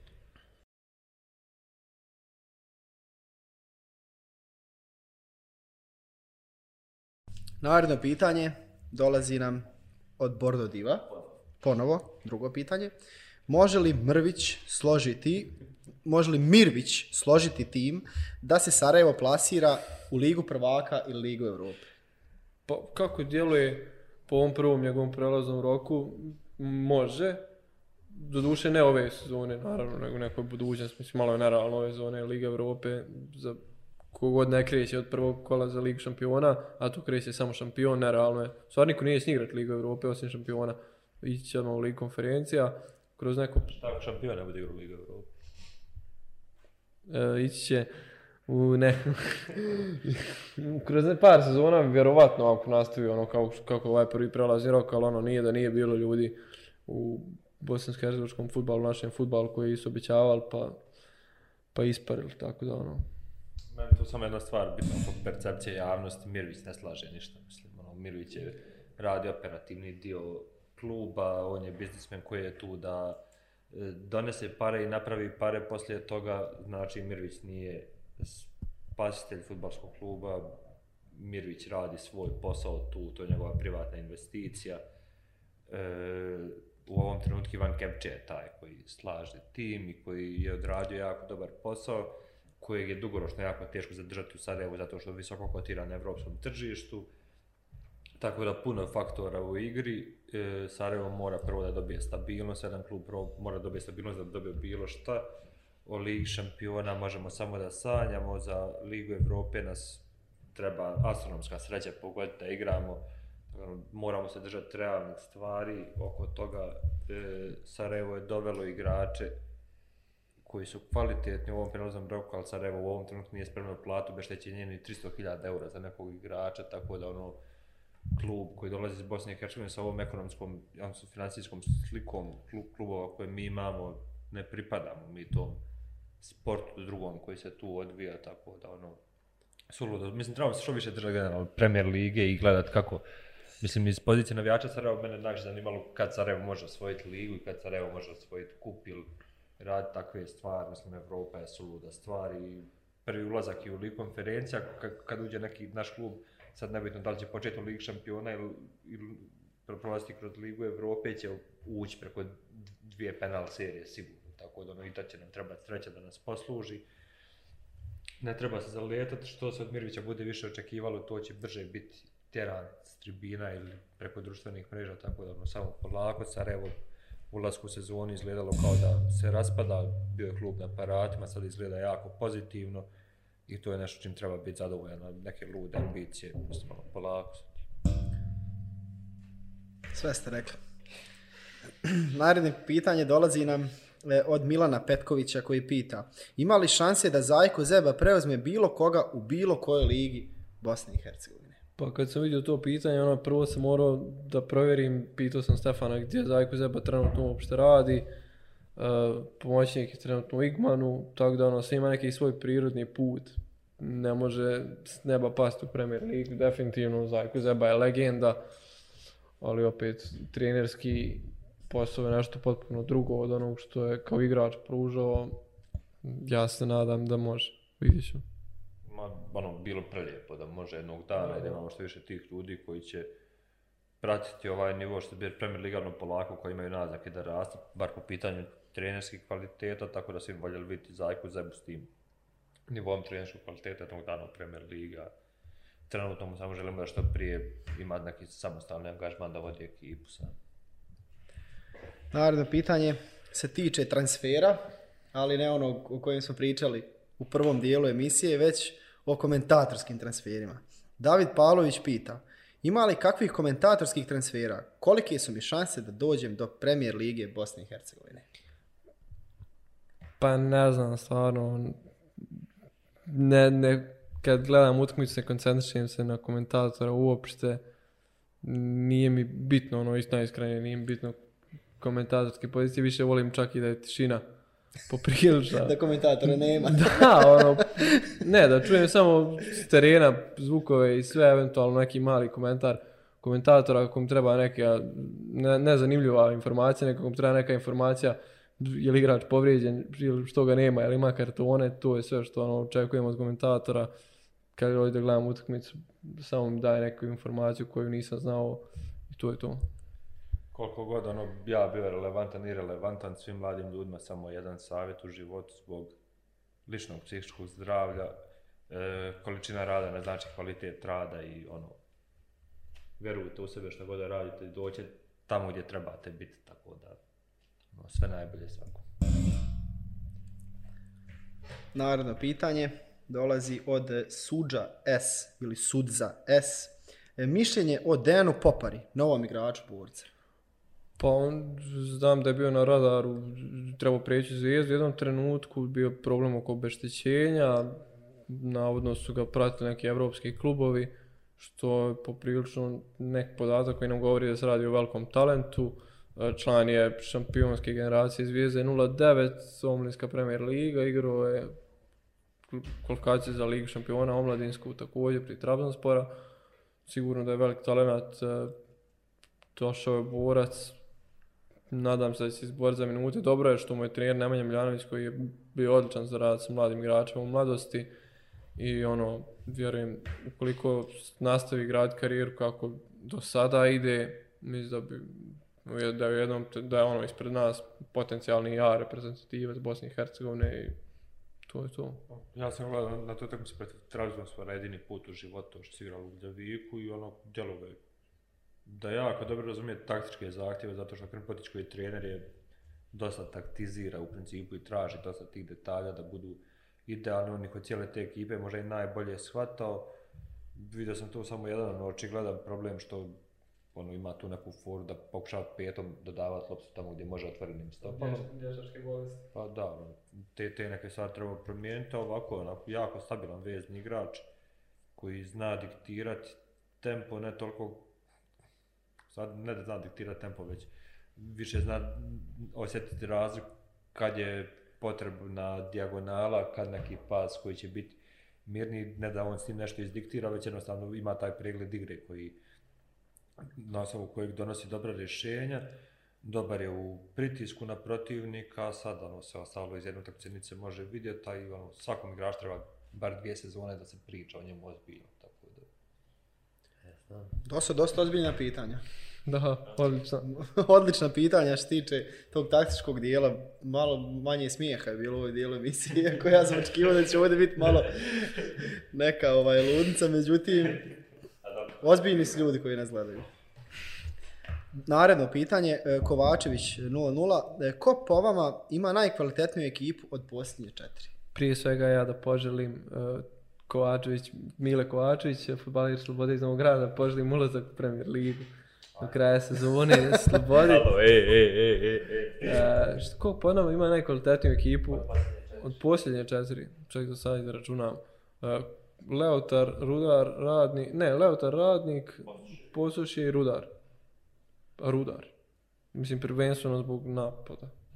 Po meni najkompletniju posuš je najveću koncent- koncentraciju kvaliteta u jednom dijelu igre, to je napad Rudar, Radnik i Leotar nemaju kvalitetne ekipe. Pa slažem se, da, to je to. Što je. Ako ja smijem po meni, posuši. Posuši. Smiješ.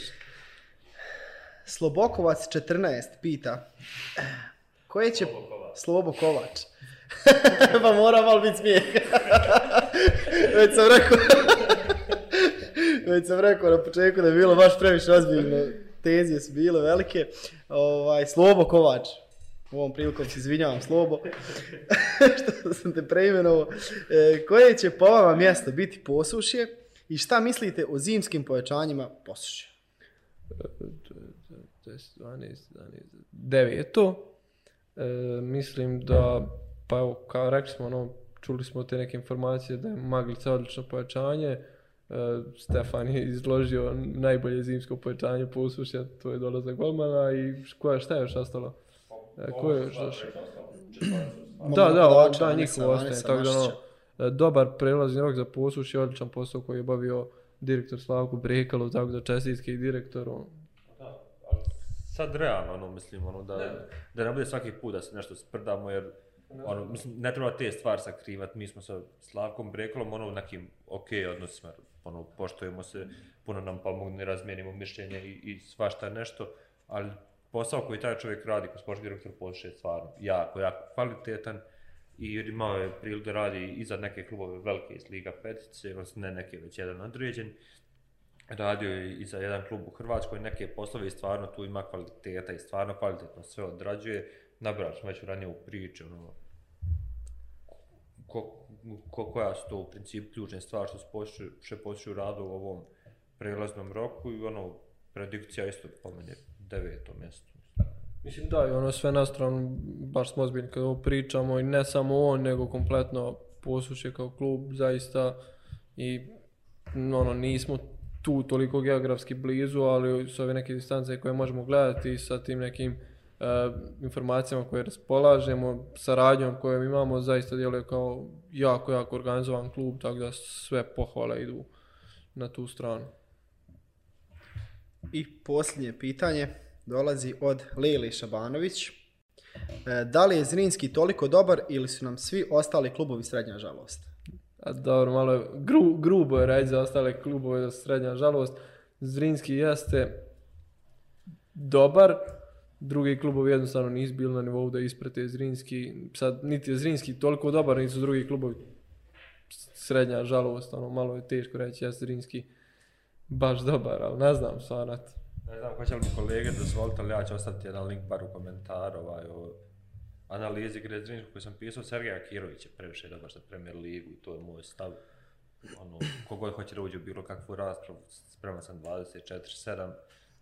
U odnosu na Sergeja Kirovića svi ostali u ligi, srednja žalost što se piše kad je u pitanju stručni kadar, igrački kadar Zrinskog ne odskače toliko kvalitetom, ali te, način na koji ti momci igraju se odskače kvalitetom, odnosno ostatak Premier Lige koja nije srednja žalost zato što se mi nemamo s kim pored sa srednju žalost. Mislim, ono, ok, znamo šta znači srednja žalost, ali nije po meni ta konstelacija snaga u principu da su drugi krivi zato što je Zrinski ovoliko dominantan ovakav Zrinski ono bio u, u svakoj ligi slične jačine kao što je Premier Liga BH ovoliko dominantan, tako da to to. To bilo to što se tiče pitanja. Možda nisam imao priliku da najavim uvod ove emisije, ali evo kao voditelj ovaj, mogu da zatvorim jednu ovaj, jako kvalitetnu emisiju. E, Hvala vam mnogo e, što nas pratite, nastavite da nas pratite, e, a mi ćemo da se potrudimo da budemo što inovativniji, da neke nove stvari u, u, uvodimo u na, naše podcaste, kao što je danas, na primjer, to bio kviz.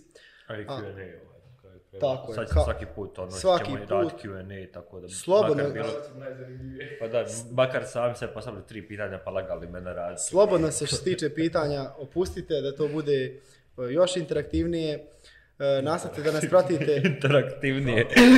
nastavite, na, na, nastavite da nas pratite i pozdrav od Igora, Stefana i od Marka. Ja sam da se izgovorio najdužu riječ u istoriji podcasta. Što? Inter, to je pet. Aktiv je 10. Je. 14, 14 kolo. Hvala ljudi, vidimo. Pozdrav. Ćao.